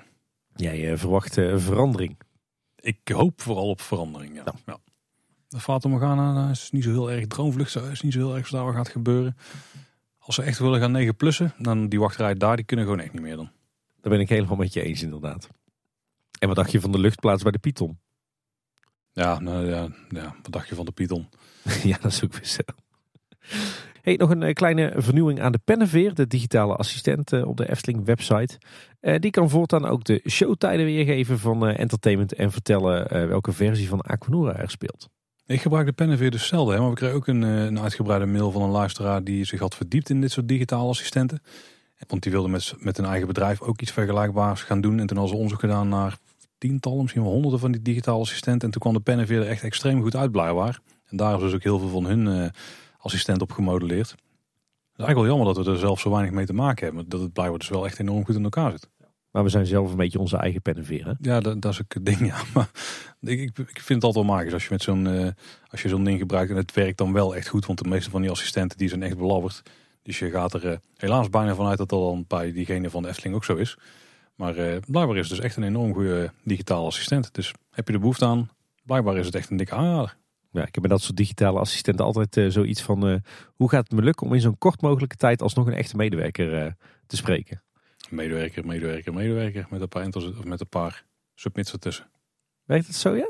volgens mij zijn er gewoon vaak van die keywords, zoals medewerker of ik wil iemand spreken. en dan uh, twee of drie keer, dan krijg je iemand. Hoor. Kijk, weer wat geleerd. Valt de pen weer terug op mensen? Ja. Ah, Oké, nou, dan is dat waarschijnlijk de truc daar ook. Hey, dan uh, wat nieuws over uh, toegankelijkheid en inclusiviteit. Want de Efteling die erkent nu ook de keycord van de Hidden Disabilities Sunflower. Ik had er zelf nog nooit van gehoord, maar ik heb het een beetje opgezocht.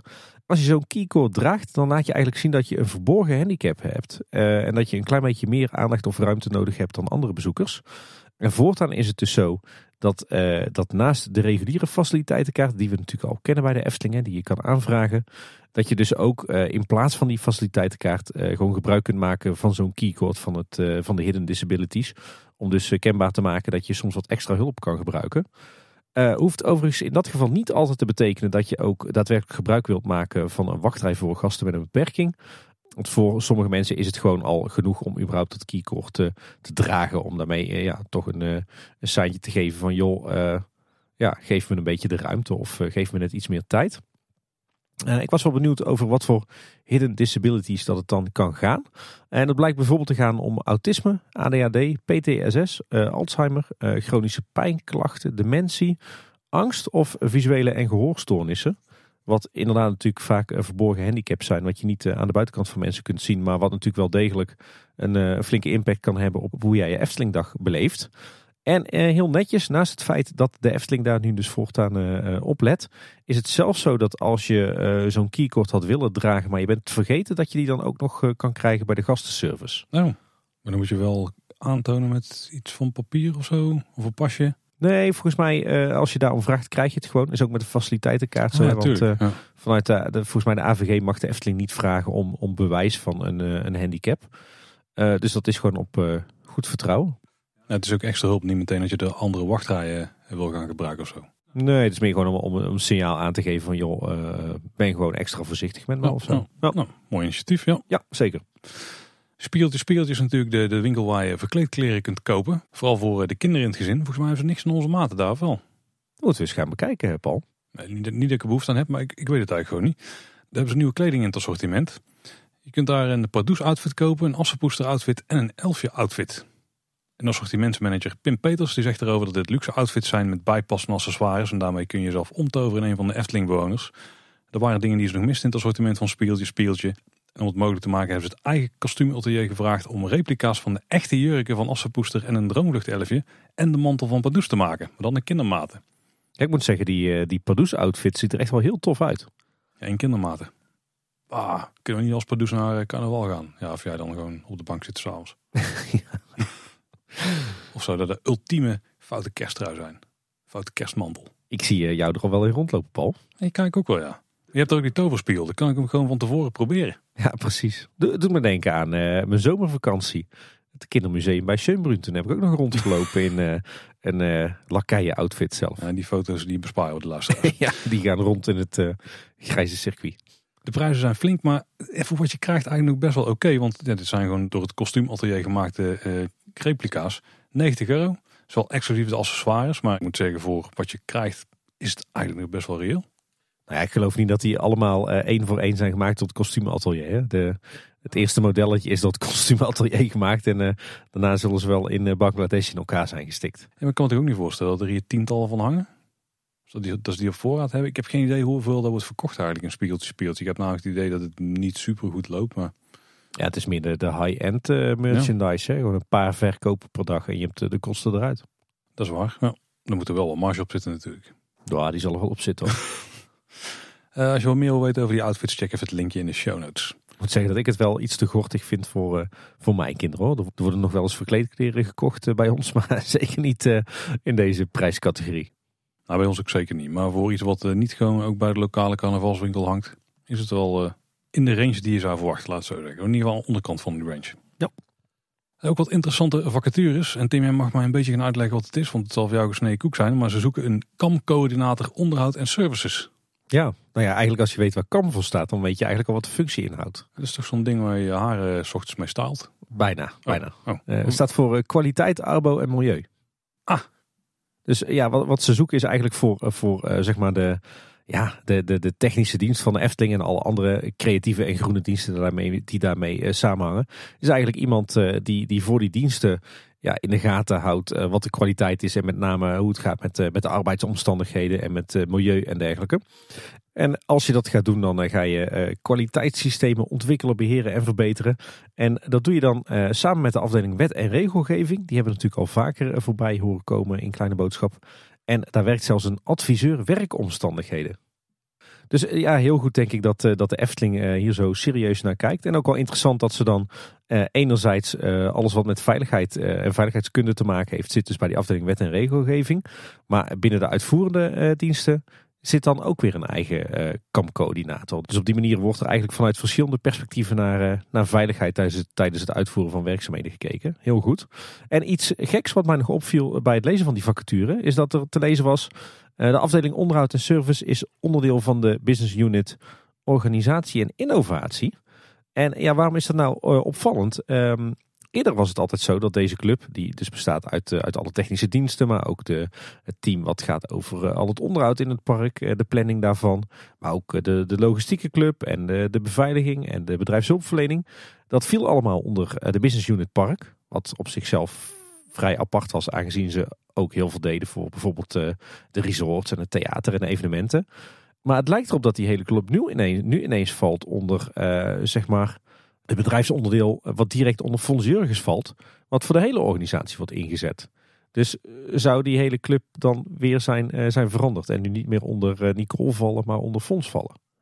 Tim, een van de grootste mysteries in de wereld en in het leven denk ik, is de organisatiestructuur van de Efteling. Dus ik weet niet of het iets is wat we ooit uh, helemaal duidelijk gaan krijgen. of wat de luisteraars heel veel zal uh, interesseren. Ik vind het in ieder geval vrij boeiend. Maar het, het lijkt mij een logischere plek in de organisatie dan, uh, dan direct onder het park. Mm, mm. Nou, ik, ik, ga me niet eens over druk maken, want over twee weken is het waarschijnlijk weer anders. er was nog een vacature en die is interessant als je wil nadenken of meedenken over de toekomst van de Efteling. Het is namelijk een product manager. En dan specifiek voor het park. En dan ben je verantwoordelijk voor de doorvertaling van de Eftelingse meerjarenvisie naar de visie, strategie en proposities binnen de Business Unit Park. Dus zeg maar de, de algehele plannen die moet je omzetten naar hoe gaan we dit in het park dan uh, handen en voeten geven.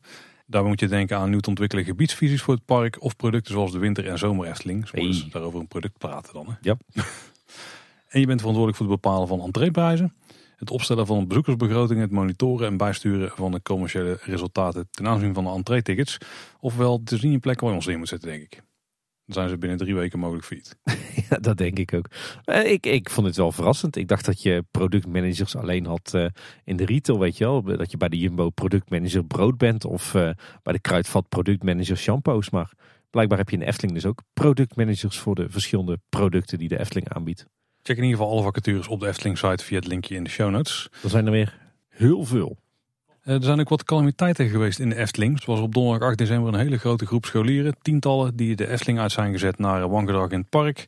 Er vonden vechtpartijen plaats, ze vielen medewerkers lastig en scholden ze uit. Er werd gegooid met stoelen en met vuurwerk. De politie is uiteindelijk niet nodig geweest, want de Efteling beveiliging heeft het zelf opgelost. Maar uh, niet heel relaxed als je zo'n uh, bus losgeslagen jeugd in je park hebt. Ja, ik geloof dat er een scholengemeenschap uit Den Haag was die een feestje te vieren hadden vanwege een of ander jubileum. Maar, ja, 100 jaar bestaan of zo, ja.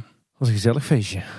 Nou ja, in ieder geval blij dat er, dat er geen gewonden zijn gevallen onder het Efteling personeel of andere bezoekers. En dat er ook niks uh, gesneuveld is. En een dag later, op vrijdag 9 december, zijn er drie personen onwel geworden door waarschijnlijk lekkende ammoniak uit een minibar in een hotelkamer in het Efteling Hotel. Eén persoon die moest uiteindelijk naar het ziekenhuis. Ik dacht zelfs dat, uh, dat de, de minibars al uit de hotelkamers verwijderd waren. Misschien nog een of andere themakamer of zo. Ja. Wat helemaal erin verwerkt zit. Ik heb geen idee. Nou ja, des te meer reden denk ik om die dingen gewoon uh, weg te halen. En nee, ammoniak die kunnen we goed gebruiken om Oreo, Oreo koekjes zwart te kleuren. ja, dat is ook wel bijzonder nieuws. Ja. Dat het zo belangrijk is dat die Oreo koekjes heel donker zijn, zeg maar. Dat die ammoniak nodig is. Ik denk, ja, haal het dan er gewoon uit en laat ze dan donkerbruin zijn of zo. Ik weet niet wat het alternatief is, maar... Nou ja, dit is een beetje storm in een glas water. Hoor. Want als je bijvoorbeeld de keuringsdienst van waarde een paar jaar volgt, dan kom je er wel achter dat er heel veel chemicaliën worden gebruikt in onze voedselbereiding. Zonder ja, dat je er erg in hebt. Het was alleen optisch. Ik bedoel, ik hoop niet dat het koekje smaakt naar ammoniak. Nou ja, zo, zo gebruiken ze zoutzuur om sojasaus te maken. Ja, als je die namaak sojasaus hebt. Ja. ja, ja nee. Maar goed, andere podcast. ja. Hey, uh, iets leukers. Uh, ik zag wat foto's voorbij komen. Want laatst deden bijna 100 Efteling-medewerkers mee aan een avond Lego Masters. Volgens mij in het Vata Evenementencomplex. Uh, in het kader van de Week van het Werkplezier. Ja, dat zijn toch ook wel de momenten dat ik denk... God, toch jammer dat we daar niet werken. Dus mogen we ons gewoon uitnodigen. Doen wij wel een vlag. Die podcast zetten we gewoon intern online. Wij doen wel mee dan natuurlijk. Ja, vind ik een goeie. Voor de volgende keer als jullie meeluisteren. Alhoewel ik moet zeggen, na Sinterklaas is er weer aardig wat uh, Lego en Playmobil toegevoegd aan de collectie thuis. Dus uh, bij ons is het onderhand iedere avond Lego Masters. Nou, dan ben je goed geoefend Tim. Dan uh, doen we misschien wel mee voor de prijzen. Ja, wie weet. Ja, voor iedereen die wat te lezen zoekt voor tijdens de kerstvakantie. Dat is toch allemaal wat rustiger hè. We hebben een paar linkjes in de show notes staan over wat artikelen over de Efteling. Allemaal door niet-Nederlandse publicaties. Eentje van het Amerikaanse blog Brent en Michael Are Going Places. En die heet Efteling Amusement Park in the Netherlands is everything Disney used to be. Nou, over een klinkende titel gesproken. En eigenlijk kun je die lijn een beetje doortrekken met die andere twee leestips. Want één is Why Efteling Should Be Your New Thanksgiving Tradition. Dat is van Team Park Insider, een uh, site die we al vaker tippen. Is dat van uh, Sean?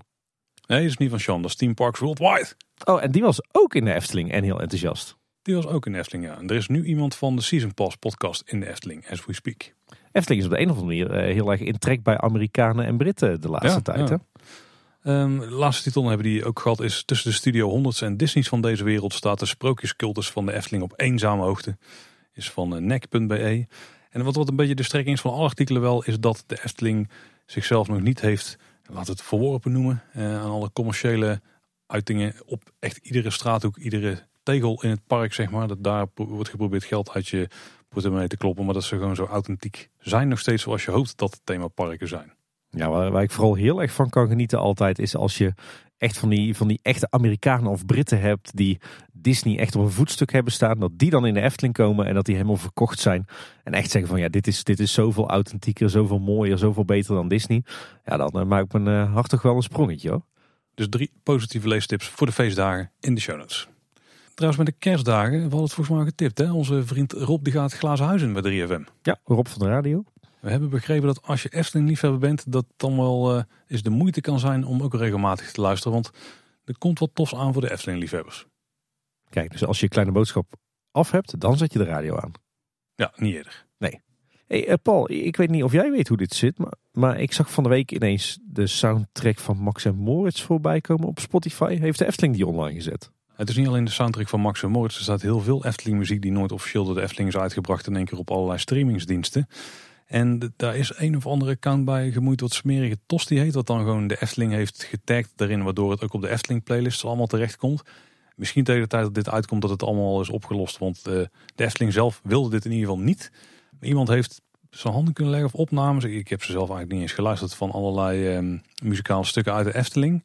Misschien dat deze zelfs wel als promo zijn uitgedeeld toen bij de opening. Toen hebben we ook extra mp3'tjes gekregen. Dat gebeurt al vaker dat je dan als achtergrondmuziek kunt gebruiken in je video. En die zijn allemaal op de streamingsdiensten geplaatst. Maar dat betekent mogelijk ook dat ze daar geld voor krijgen. Nou, ik weet het niet. Een beetje een bizar verhaal. Wij weten niet hoe het zit. We hebben het nagevraagd bij mensen die het mogelijk zouden kunnen weten. Die weten ook niet hoe het zit. Maar de Efteling zit er wel achteraan inmiddels. Hè? De Efteling zit er achteraan. Ja. Dus, dus ik verwacht dat dit vrij snel gaat verdwijnen. Maar bij de Efteling Webcare die hinten wel dat er nog een muzikale verrassing aankomt. Rond de feestdagen. Zo'n belachelijke naam hè. Smerige tosti. Een tosti kan toch nooit smerig zijn? Ja, zeker wel. Nee joh. Als ik in saté op zit. Allemaal tosti. Nee. nou, jij zegt dat, maar ik dacht eerst van dit is misschien een foutje van René. Want die had ook een artiestennaam. Smerige, nog iets of vuile hupplepup of zo. Zat hij te vertellen toen we de vorige keer in de studio waren bij met die muziek van Caro. Ja, ik zit niet echt in het feestcircuit, dus... Uh... Nee, maar hij zat het toen te vertellen. Weet je wat zo mooi is aan een tosti, Paul? Het is het perfecte ontbijt, perfecte lunch. Het kan ook prima als avondeten. Tosti kan gewoon altijd. Je weet dat ik niet zo van kaas hou, hè? Oh, kleinigheidje. Ja, tosti zijn niks voor mij. Oké. Okay. Het is wel met, met saté eigenlijk hetzelfde. Dat kan ook gewoon op ieder moment van de dag. Nou, saté saus bij het ontbijt. Ja, ja. Ja, hebben we het wel eens gedaan? Vast wel. Ik kan niet ontkennen dat dat nooit is gebeurd.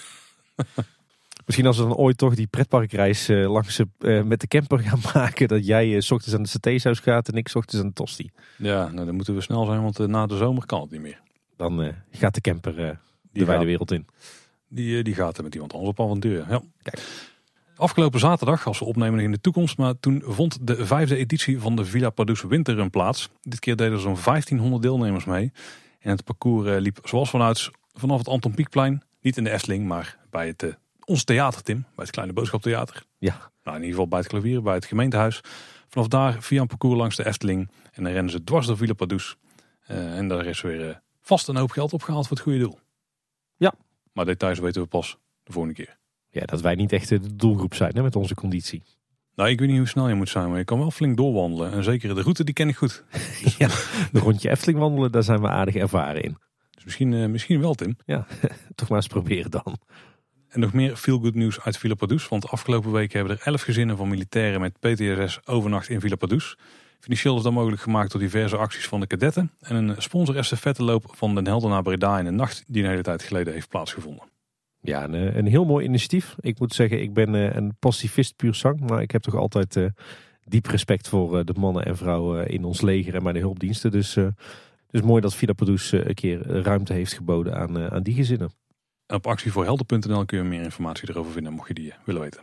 Zullen we eens wat de reacties van luisteraars gaan behandelen, Tim? Altijd leuk. We beginnen met een mailtje van Esmee. En die schrijft, ik vraag me af hoe jullie een dagje Efteling zouden aanpakken met een anderstalig gezelschap. Zelf wil ik heel graag een keer mijn vrienden uit het buitenland meenemen. Toch vinden zij het lastig dat het meest in het Nederlands vermeld wordt. Nu spring ik natuurlijk graag in als vertaler, maar wil je ook niet door alle shows heen praten. De Efteling doet steeds meer haar best om meertaligheid toe te passen. Maar hoe geef je iemand die geen Nederlands begrijpt nu de ultieme Efteling-beleving? Groetjes Esmee. En nog een belangrijke PS. Mag je ook houden zeggen als je van boven de rivieren komt? Daar ligt eraan of je patat of friet zegt. Nee, dat mag gewoon. Ja, als kleine boodschap luisteraar mag je dat. Maar het is friet. Hey, eh, eh, hele interessante vraag. eh.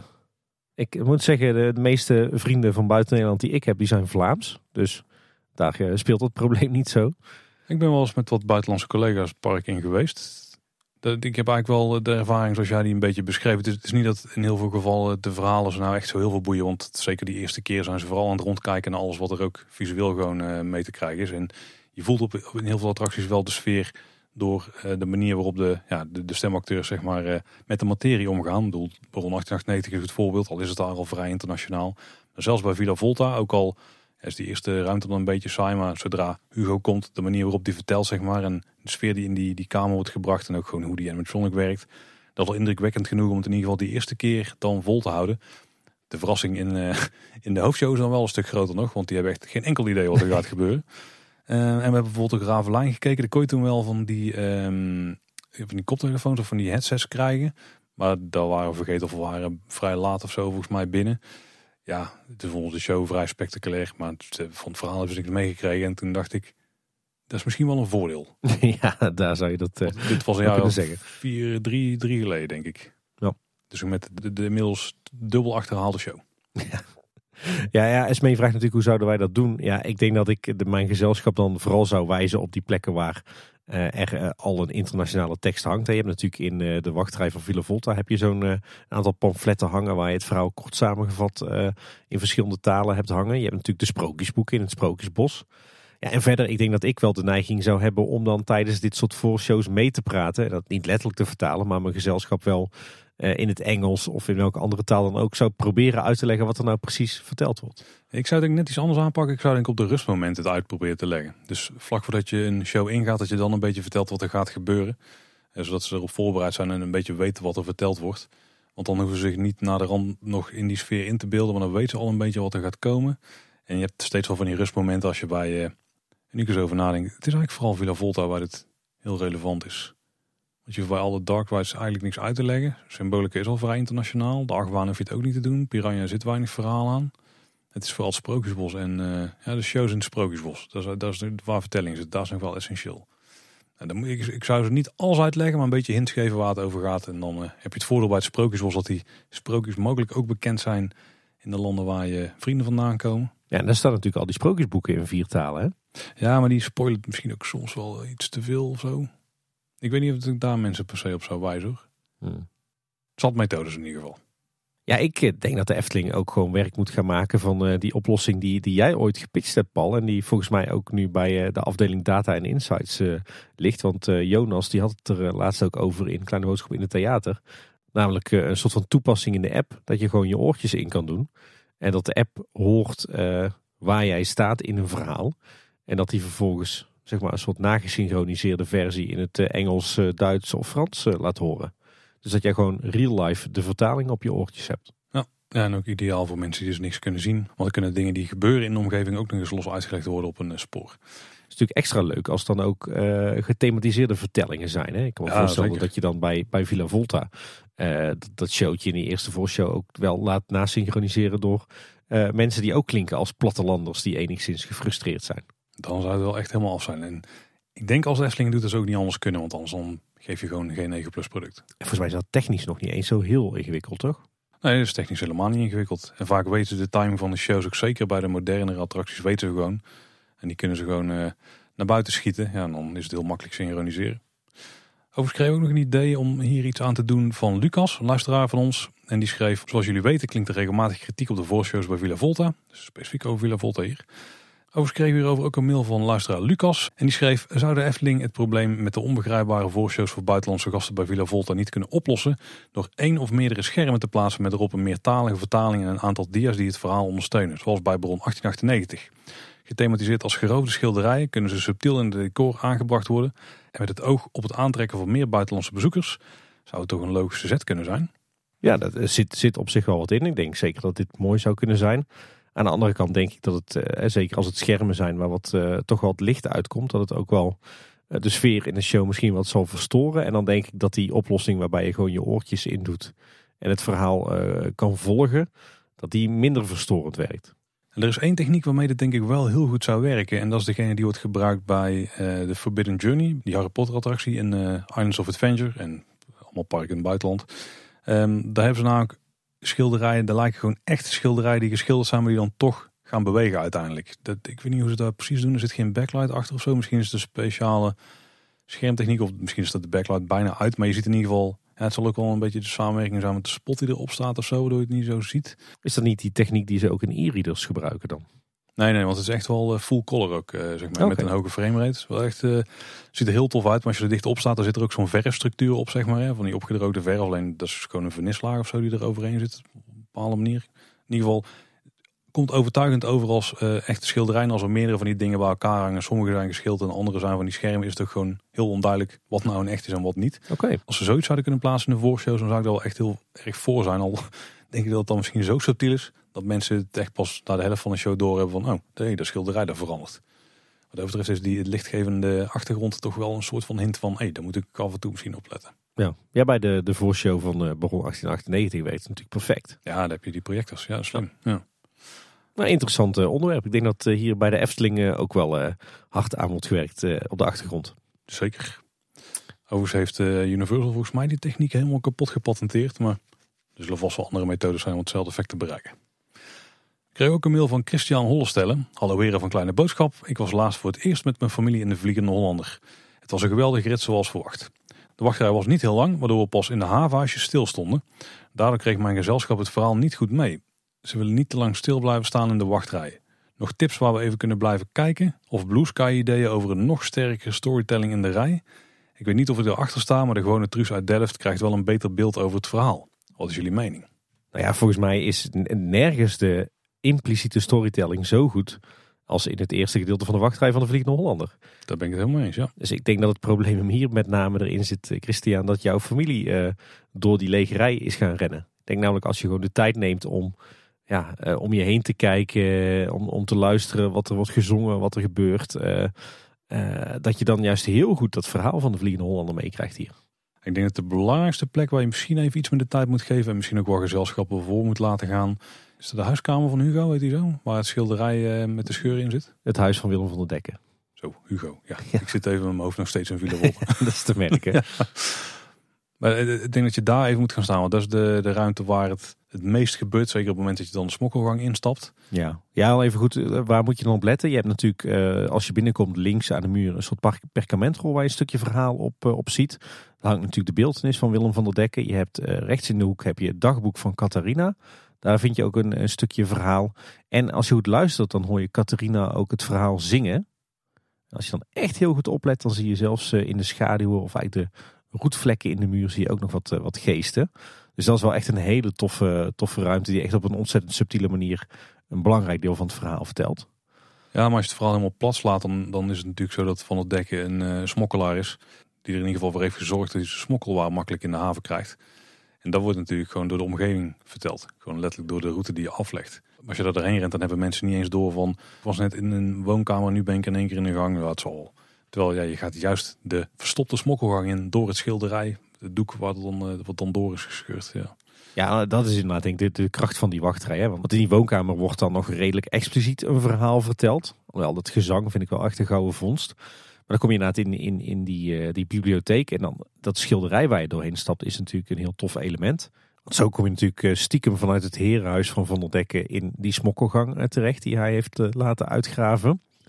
En dan in die, in die smokkelaarsgang heb je natuurlijk de schatkamer. Waar Willem van der Dekken als een zijn geroofde goed opslaat. Je hebt natuurlijk dat hele toffe effect. wat eens in de zoveel tijd plaatsvindt. Waaruit al blijkt dat die smokkelgang is vervloekt. En dan als je om het bochtje eh, heen gaat, dan kom je ook eigenlijk weer via een achterdeurtje terecht in die havenhuisjes. Dus dan blijkt inderdaad eigenlijk wat die smokkelroute van Willem van der Dekken is. Hè? Vanuit uh, de haven, via de havenhuisjes, via de smokkelaarsgang naar zijn eigen huis. Dus ja, dat, het is toch een kwestie van gewoon, rustig doorheen lopen en je oren en je ogen goed de kost geven. En je neus. Ik was er trouwens laatst met mijn dochter in. Die is helemaal fan van die attractie. Nou, die, mag er, uh, nou, die mocht er al een tijdje in, maar nu durft ze ook eindelijk. En toen stonden we in de wachtrij ook. En toen viel me pas op dat in die havenhuisjes heb je op een gegeven moment zo'n soort tussengangetje tussen twee van die huisjes. En dan hangen wat uh, kratten boven je. Die komen dan wel uit een houten plafond, dus dat is op zich wel bijzonder. Maar die bewegen ook. Er wordt af en toe aan getrokken, zeg maar. Net als dat ze boven aan het werk zijn. Heel vet detail ook. En dan de laatste, Emil van Stijn. Beste kleine boodschappers. Ik kom minimaal één keer per jaar in de Efteling, maar ben wel liefhebber. Dat hebben we de vorige keer al gezegd. Hè. Hoe vaak je komt, maakt niet uit. De liefhebber kun je altijd zijn. Zelf zit ik in een rolstoel en loop soms tegen obstakels op. De toegankelijkheid is iets waar de Efteling steeds mee rekening mee houdt. Kijk naar Droomvlucht met de virtual reality. Het lijkt alsof je er echt in zit. Een mooi voorbeeld. Nu hoop ik dat bij Dans Macabre in ontwerpen en bij de bouw rekening wordt gehouden met minder valide. Zodat ik zelf niet uit de stoel hoef. Wat zijn jullie gedachten en hoe kan de Efteling dat doen met dit attractietype? Groeten Stijn.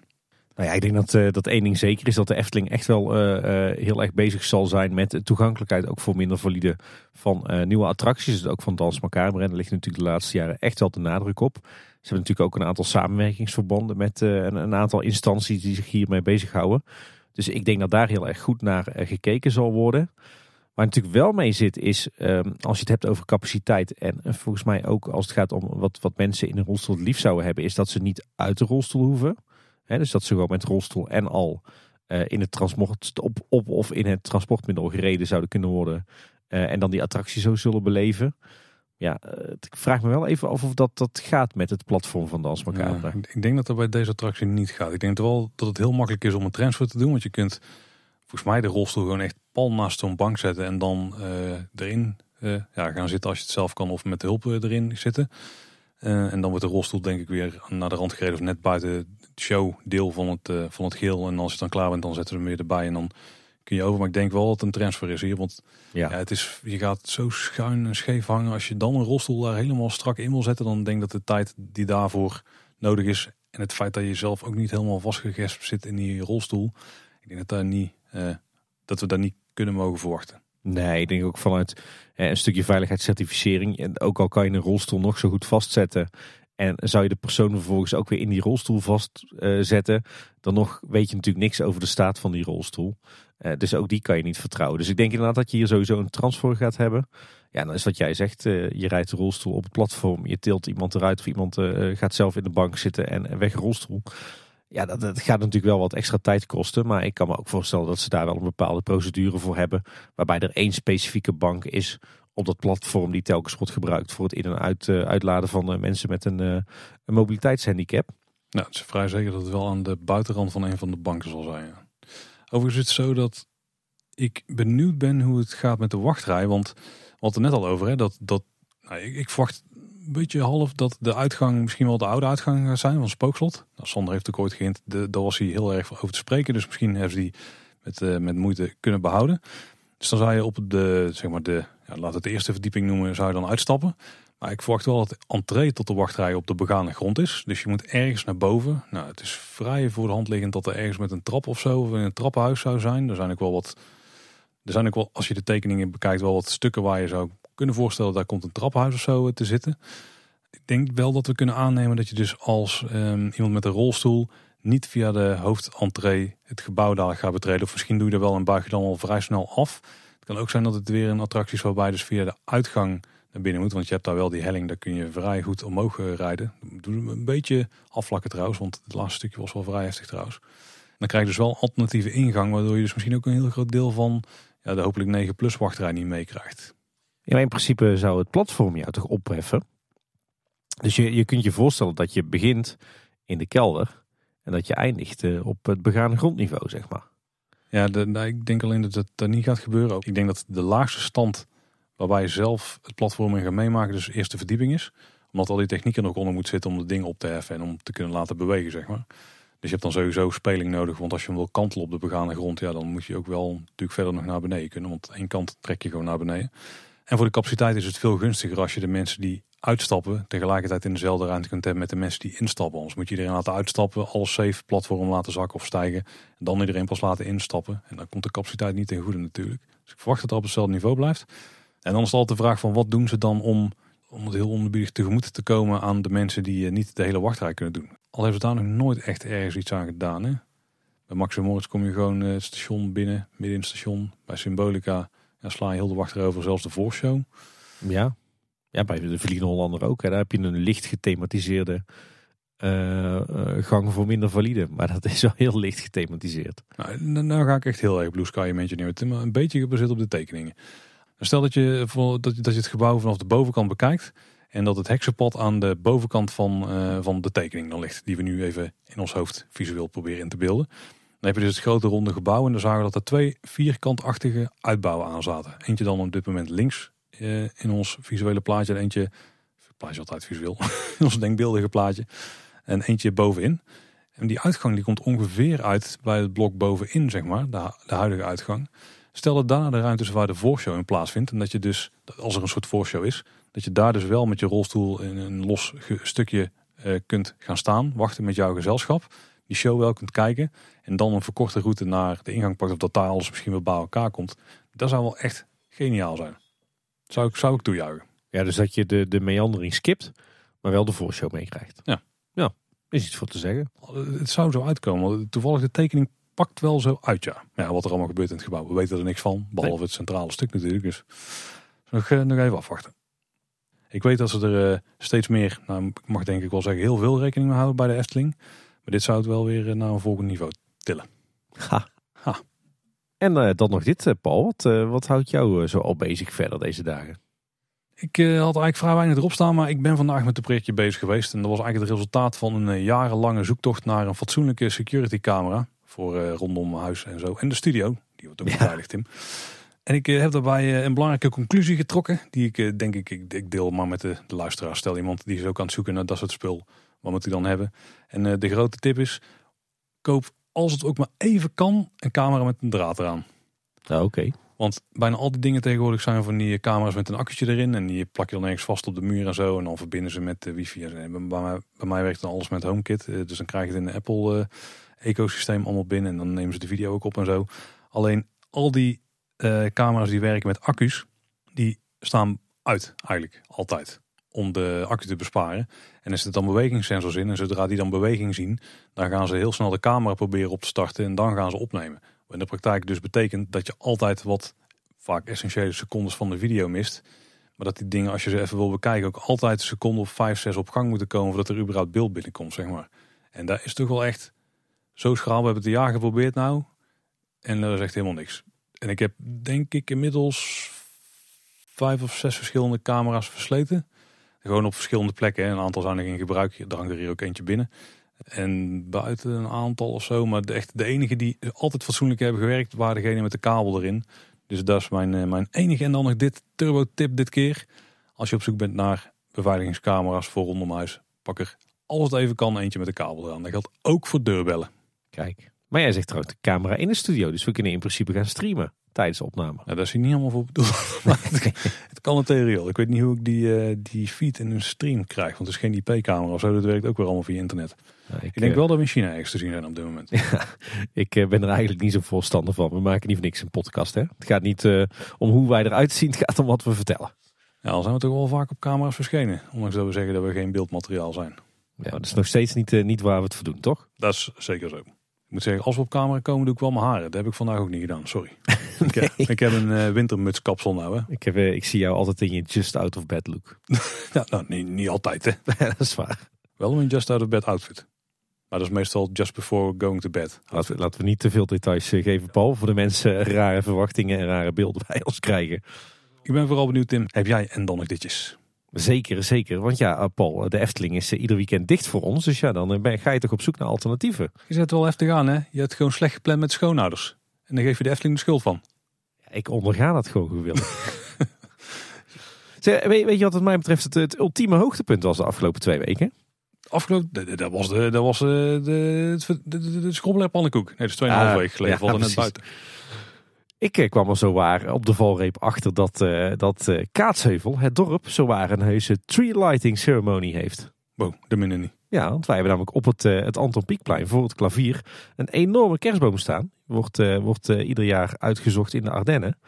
En er was zo waar eh, vorige week een ceremonie waarbij de burgemeester, Hanne van Aert, de kerstboom aanstak. Oh, ja, is de lampjes. Dat is eenmalig. Dus Eenmalig, niet, eh, ja. Ah, oké. Ik denk dus ook iets wat iedere avond eh, met veel bombardie wordt aangekondigd. Maar dat valt mee. Nee, maar het was wel het was een heel evenement. Er kwam een hoop volk op af. Er, waren, eh, er werden gratis kerstmutsen uitgedeeld. Er waren gratis worstenbroodjes, gratis warme chocola met slagroom. Nou, dan weten we dat in de ket een succes is. Precies.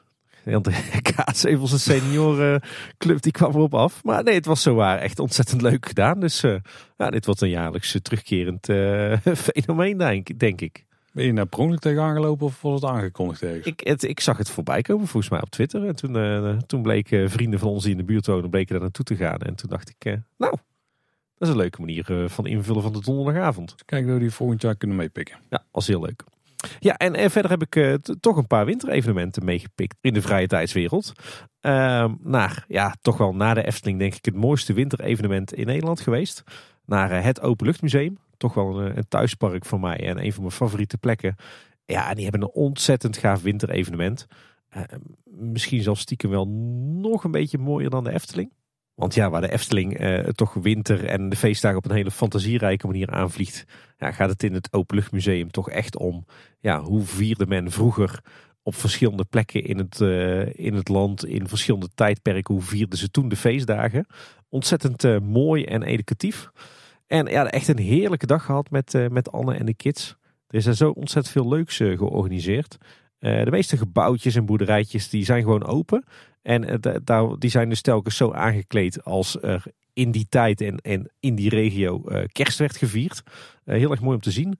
De trams die rijden gewoon met, aangekleed met guirlandes. Dus daar kan je lekker in opwarmen. Er is een, eh, een prachtige schaatsbaan met echt natuurijs nog buiten. Echt zo'n eh, met koeken en zopie stands eraan. Eh, ze hebben een witte wievenwandeling door het bos. Je kan zelf kaarsjes maken waarbij je dan van alles leert over de verschillende manieren waarop kerst op de hele wereld wordt gevierd. Er is, zijn schuren met oud-Hollandse spellen. Je kan zien hoe, appelstroop wordt gekookt. Er is een winterkermis op de Zaanse markt. Er lopen midwinter hoornblazers rond. Ja, het, is, het is ja, echt gewoon super gaaf als je wilt zien hoe in de loop van de afgelopen eeuwen eh, in ons land eh, op verschillende manieren eh, kerst en de feestdagen werden gevierd. En allemaal ja, gewoon heel erg realistisch, heel erg historisch. En zeer vermakelijk ook voor als je op pad bent met kinderen. Dus ja, een, een heerlijke dag gehad. Ook leuk, er stond weer een luisteraar van ons aan de entree. Dus meteen een, een, warm welkom. En eh, ja, ook wel opvallend. Eh, voorheen stonden daar altijd eh, van die... ja, van die olievaten waarin vuurtjes werden gestookt. Maar dit was het eerste jaar waarin dat niet meer plaatsvond. Dus misschien heeft dat ook wel iets met stikstofuitstoot te maken. Hm. Maar wat mij betreft na de winter Efteling, of misschien zelfs wel boven de winter Efteling, maar het, het, ja, toch echt het allermooiste winterevenement in, in de Benelux. Dus ga zeker eens een kijkje nemen in het Winteropenluchtmuseum. Ja, verder wilden we nog heel graag naar eh, Wintertoverland. Hè. Of dat heet officieel volgens mij anders, maar... eh, Toverland de Winter Feelings. volgens dat was het, ja. ja. Iedereen heeft het over Toverland WF, maar ik vergeet iedere keer waar WF voor staat. Voor winterfeelings dus. Daar wilden we ook heel graag naartoe. Maar ik moet zeggen, we zijn toch wel een beetje afgeschrikt door alle verhalen op social media van de grote drukte in het park, lange rijen bij de attracties en de horeca. En ja, toen zag ik dat we toch als gezinnetje eh, zo'n eh, 200 120 euro moesten aftikken. Dus eh, ja, onze plannen om naar Toverland te gaan, eh, hebben we dan toch maar even in de ijskast gezet. Je hebt daar helemaal verkeerd aangepakt, Tim. Ja, dat klopt. Je had gewoon in de zomer moeten gaan. Dan kreeg je een ticket waarmee je gratis, tenminste je kreeg een bon waarmee je tickets kon scoren. Waarmee je gratis in de winter kon gaan. Waardoor wij komende zondag wel in Toverland zitten. Kijk, ja, nee, dat eh, hebben wij inderdaad verkeerd aangepakt. Maar ja, de, wat ik zag aan foto's en hoorde aan verhalen is het wel echt extreem druk daar. Dus eh, ja, dat heeft ons nog maar doen besluiten om, eh, om voorlopig nog even niet te gaan eh, richting Zevenum. Ehm, in plaats daarvan naar eh, zo'n beetje jouw favoriete park geweest, Paul. Ja, ik ben toch naar de Efteling geweest. Wat heb je dat nou gedaan? Nou, tot de week. nee, we, we zijn ook naar het evenement Winter op de boerderij geweest. Op, bij avonturenboerderij Molenwaard. Oh, oh, Een, oké. een, eh, ja, ik vind een heel schattig, sympathiek themaparkje. Waar wij graag komen met de kids. En, en nu voor het eerst ook naar hun winteropenstelling geweest. Uh, ook heel tof. Uh, je hebt er nu een winterse speurtocht waar de kinderen een winterboerderijdiploma mee kunnen verdienen. het loopt heel veel winterse entertainment rond. dat gaat van een kerstman naar het Fien en Teun Winterfeest. Een speciaal, speciale act, maar ook wat, wat educatief entertainment. ze hebben ook hier een leuk schaatsbaantje. je kunt er heerlijk pannenkoeken eten. En sinds de vorige keer ook weer wat nieuwe attracties die hebben uitgeprobeerd. ja, en echt nou ja, ik denk wel de meest gastvriendelijke eh, medewerkers in eh, heel pret- en themaparkland eh, in Nederland. Dus ja, ondanks dat het natuurlijk allemaal nog vrij kleinschalig is, wel een, een ontzettend leuke dag gehad. En ja, super tof om te zien dat zij zich ook hebben gewaagd aan een, een winteropenstelling. Ja, je hebt mijn enthousiasme gevoed. Nou, ik, ja, ik, ik heb een soort natuurlijke aversie tegen en misschien niet specifiek tegen, tegen avonturen boerderij Molenwaard. Want het feit dat, dat ze enthousiaste medewerkers hebben, daar staan we nog wel aan. Alleen het hele concept spreekt me echt gewoon, echt gewoon helemaal niet aan. En we zijn er een keer geweest en dan hadden het echt binnen twee uur gewoon compleet gezien. Dat was... Ja, ik heb het idee dat voor jou de ondergrens van wat je, wat je interessant vindt aan thema en, en, en pretpark is zeg maar een beetje, een beetje toverland. En alles wat groter is, is oké. maar de, de kleinschalige parkjes uh, niet echt. Dat is misschien nog wel een vrij goede analyse ook. Ja. ja. ja. Nee, ik weet niet of het thema dan per se het, hetgeen is wat doorslag geeft. Want voor Roep Sommerland wil ik dat bijvoorbeeld dan niet onderscharen. Maar die doet het ook wel goed. Misschien de, de kleinschaligheid? Ja, het aanbod wat er is. Ik krijg ook... Maar de Efteling is, is er ook ooit begonnen, hè Paul? Ja, dat klopt. Ik denk ook dat hij daar gereed had aangevonden tot het uh, spookvlot stond. Nou, nee, het is Sprookjesbos. Dat is toch wel uniek. Nee, maar als je bijvoorbeeld kijkt naar uh, die indoor uh, plopsaparken. Ik heb al niet in Koevoorde gezien, maar ik krijg er gewoon een buikpijn van als ik binnenkom. Als ik dan foto's zie en als ik eraan terugdenk, dan krijg ik zo'n knoop in mijn maag. Dan denk ik, Oh nee, ik eh, moet zeggen, alles wat maar een beetje met leisure te maken heeft, dat wil ik een keer eh, gezien eh, en ervaren hebben. Mm, nou oké, niet alles. maar wel veel en ik heb het ervaren, maar het was het gewoon niet voor ons. Ja. Oh. Nee, dit is, dit is nog heel kleinschalig. Maar ze groeien gewoon op een heel organische manier. En alles wat ze doen, doen ze wel gewoon heel goed. En het is allemaal in thema, allemaal educatief. Ze doen natuurlijk heel veel met, met IP. Hè. Die Michael van Hoornen zit erachter uh, van Van Hoornen Entertainment. Ja, alles wat die, wat die gast aanraakt, uh, dat, wordt goud. Dus uh, die zijn echt lekker bezig. En ja, het is kleinschalig, maar het is gewoon super sympathiek. En ja, de medewerkers zijn echt schatten daar. Dus nou, leuke plek. Misschien een stuk dat als ik hier gewoon de deur uitloop en letterlijk 10 meter een random kant op loop. dat educatieve stukje dat ik daar gewoon real life meemaak. Het is hier een soort avonturenboerderij Sprangers. Ja, eigenlijk wel, ja. ja. ja Paul, daar zit markt in, denk ik. Mm, nee. Nee, oké. Ja, en verder nog een paar leuke plekken geweest. Uh, Jump XL, een trampolineparadijs. Moet je normaal gesproken zeker niet heen met je kleine kinderen. Want dan word je omvergelopen door uh, alle opgeschoten jeugd. Maar we kwamen erachter dat die uh, speciale ochtenden hebben voor kinderen onder de zeven. Hm. Dus dat was leuk. En nog naar het Gouden Woud geweest, wat een, een binnenspeeltuin is. Waar jij dan waarschijnlijk ook nooit niet dood gevonden wilt worden, Paul. Ja, die staat nog wel een keer op de to-do-lijst. Oké, want deze is nou ook vrij bijzonder. Want het is weliswaar een binnenspeeltuin, maar het is eigenlijk één grote zandbak. Met daarin een hoop water. En uh, de uitdaging voor de kids is daar om zoveel mogelijk uh, goudklompjes te vinden in het zand en in het water. Voor de kinderen? Ja, en sommige ouders uh, helpen graag mee. Ik heb de foto's gezien. Ja, precies. Nee, dus we, zijn, we zijn weer lekker, lekker op dreef met winterevenementen in de Nederlandse pret- en themaparken. En voor de komende weken staan er ook nog, nog heel wat dingen op de planning. Uh, tot slot nog even twee tips. Een luistertip. Wat ik de afgelopen twee weken een hele leuke podcast vond, was eh, de Loopings podcast. Uh, Wessel was de gast bij P&P Projects. natuurlijk een hele bekende ja, decor- en thematiseringsbouwer. Met natuurlijk ook, ook een aantal Efteling linkjes. Super interessant om te horen wat het voor bedrijf is en hoe zij dingen doen. Dus we zullen het naar linken in de show notes. En nog een kijktip op Netflix. een nieuwe film. The Swimmers. Gaat eigenlijk over ja, Syrië en vluchtelingen. En eh, ik moet zeggen, mij wordt wel eens gevraagd, uh, Tim, waarom heb je de afgelopen weken nou zo je nek uitgestoken om uh, een, een goede, humane vluchtelingenopvang op te bouwen in Goorlen? Kijk die film en je hebt je antwoord. Heel erg, heel erg indrukwekkend en het is een waar gebeurd verhaal. Dus het geeft denk ik een heel ja, goed inkijkje in, in Syrië en het vluchten vanuit Syrië naar, naar Europa. En wat er dan hier in Europa met die mensen allemaal gebeurt. Dus Heel aangrijpend, maar ook gewoon heel mooi om te kijken. Ja, dan eh, zitten de afleveringen toch weer op, Tim. Als mensen nou vragen voor ons hebben of ze willen iets eh, aan ons kwijt, dan kan het via social media. Als je alle plekken wil weten waar wij te vinden zijn, dan ga je naar kleineboodschap.com slash volgen. Al staat onze Mastodon account er nog niet tussen. Wat was dat ook alweer? Ja, Dat was toch vanwege die storm in een glas water dat eh, Twitter zou exploderen en nooit meer terug zou komen? Nou, het is toch wel eh, weg aan het glijden. Ja, ik heb Ja. er niks van gemerkt. Nou, nou de service niet, maar eh, laten we zeggen de leider die aan het roer staat op dit moment, die doet zelf zijn best om al, al eruit in te gooien. Nou ja, laten we hopen dat Twitter als medium gewoon overleeft. Want dat is toch onze grootste uitlaatklep op social media op dit moment. Nou, er springen allerlei andere platformen op in. Volgens mij zelfs Instagram wel een beetje pivoten naar gewoon tekstberichten of zo ergens.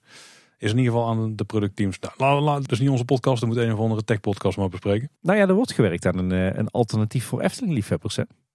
Ja, dat klopt. Een wonderdepot. Maar wat het precies gaat inhouden, of dat ook gewoon een Mastodon-instantie is, is ook niet helemaal duidelijk. Kan allemaal. Zodra daar meer over bekend is en het is noodzakelijk, dan eh, berichten we daar natuurlijk over. Zeker. Als je het ook op de website bent, dan vind je daar ook het contactformuliertje. En je vindt natuurlijk alle show notes op de website.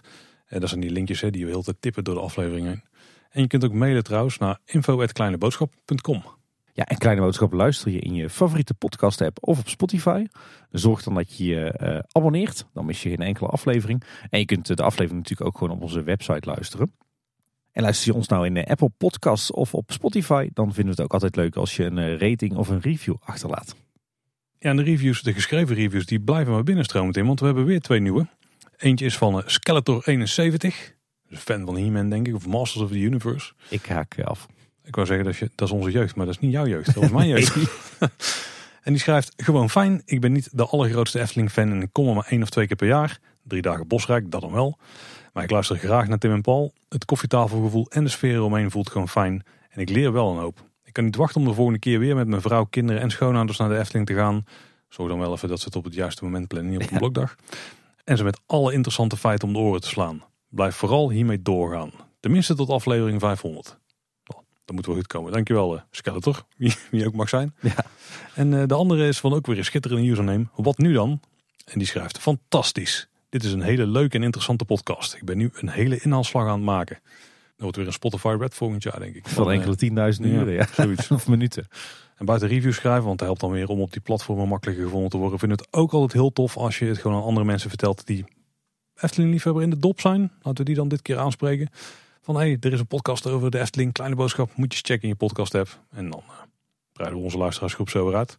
Ik had deze week trouwens wel een bijzondere week. Ik, deze keer heb ik tot, tot drie keer toe eh, eh, ben ik opnieuw in contact gekomen met iemand die ik al 20 tot 25 jaar niet had gezien. En al die drie, die kennen me via Kleine Boodschap.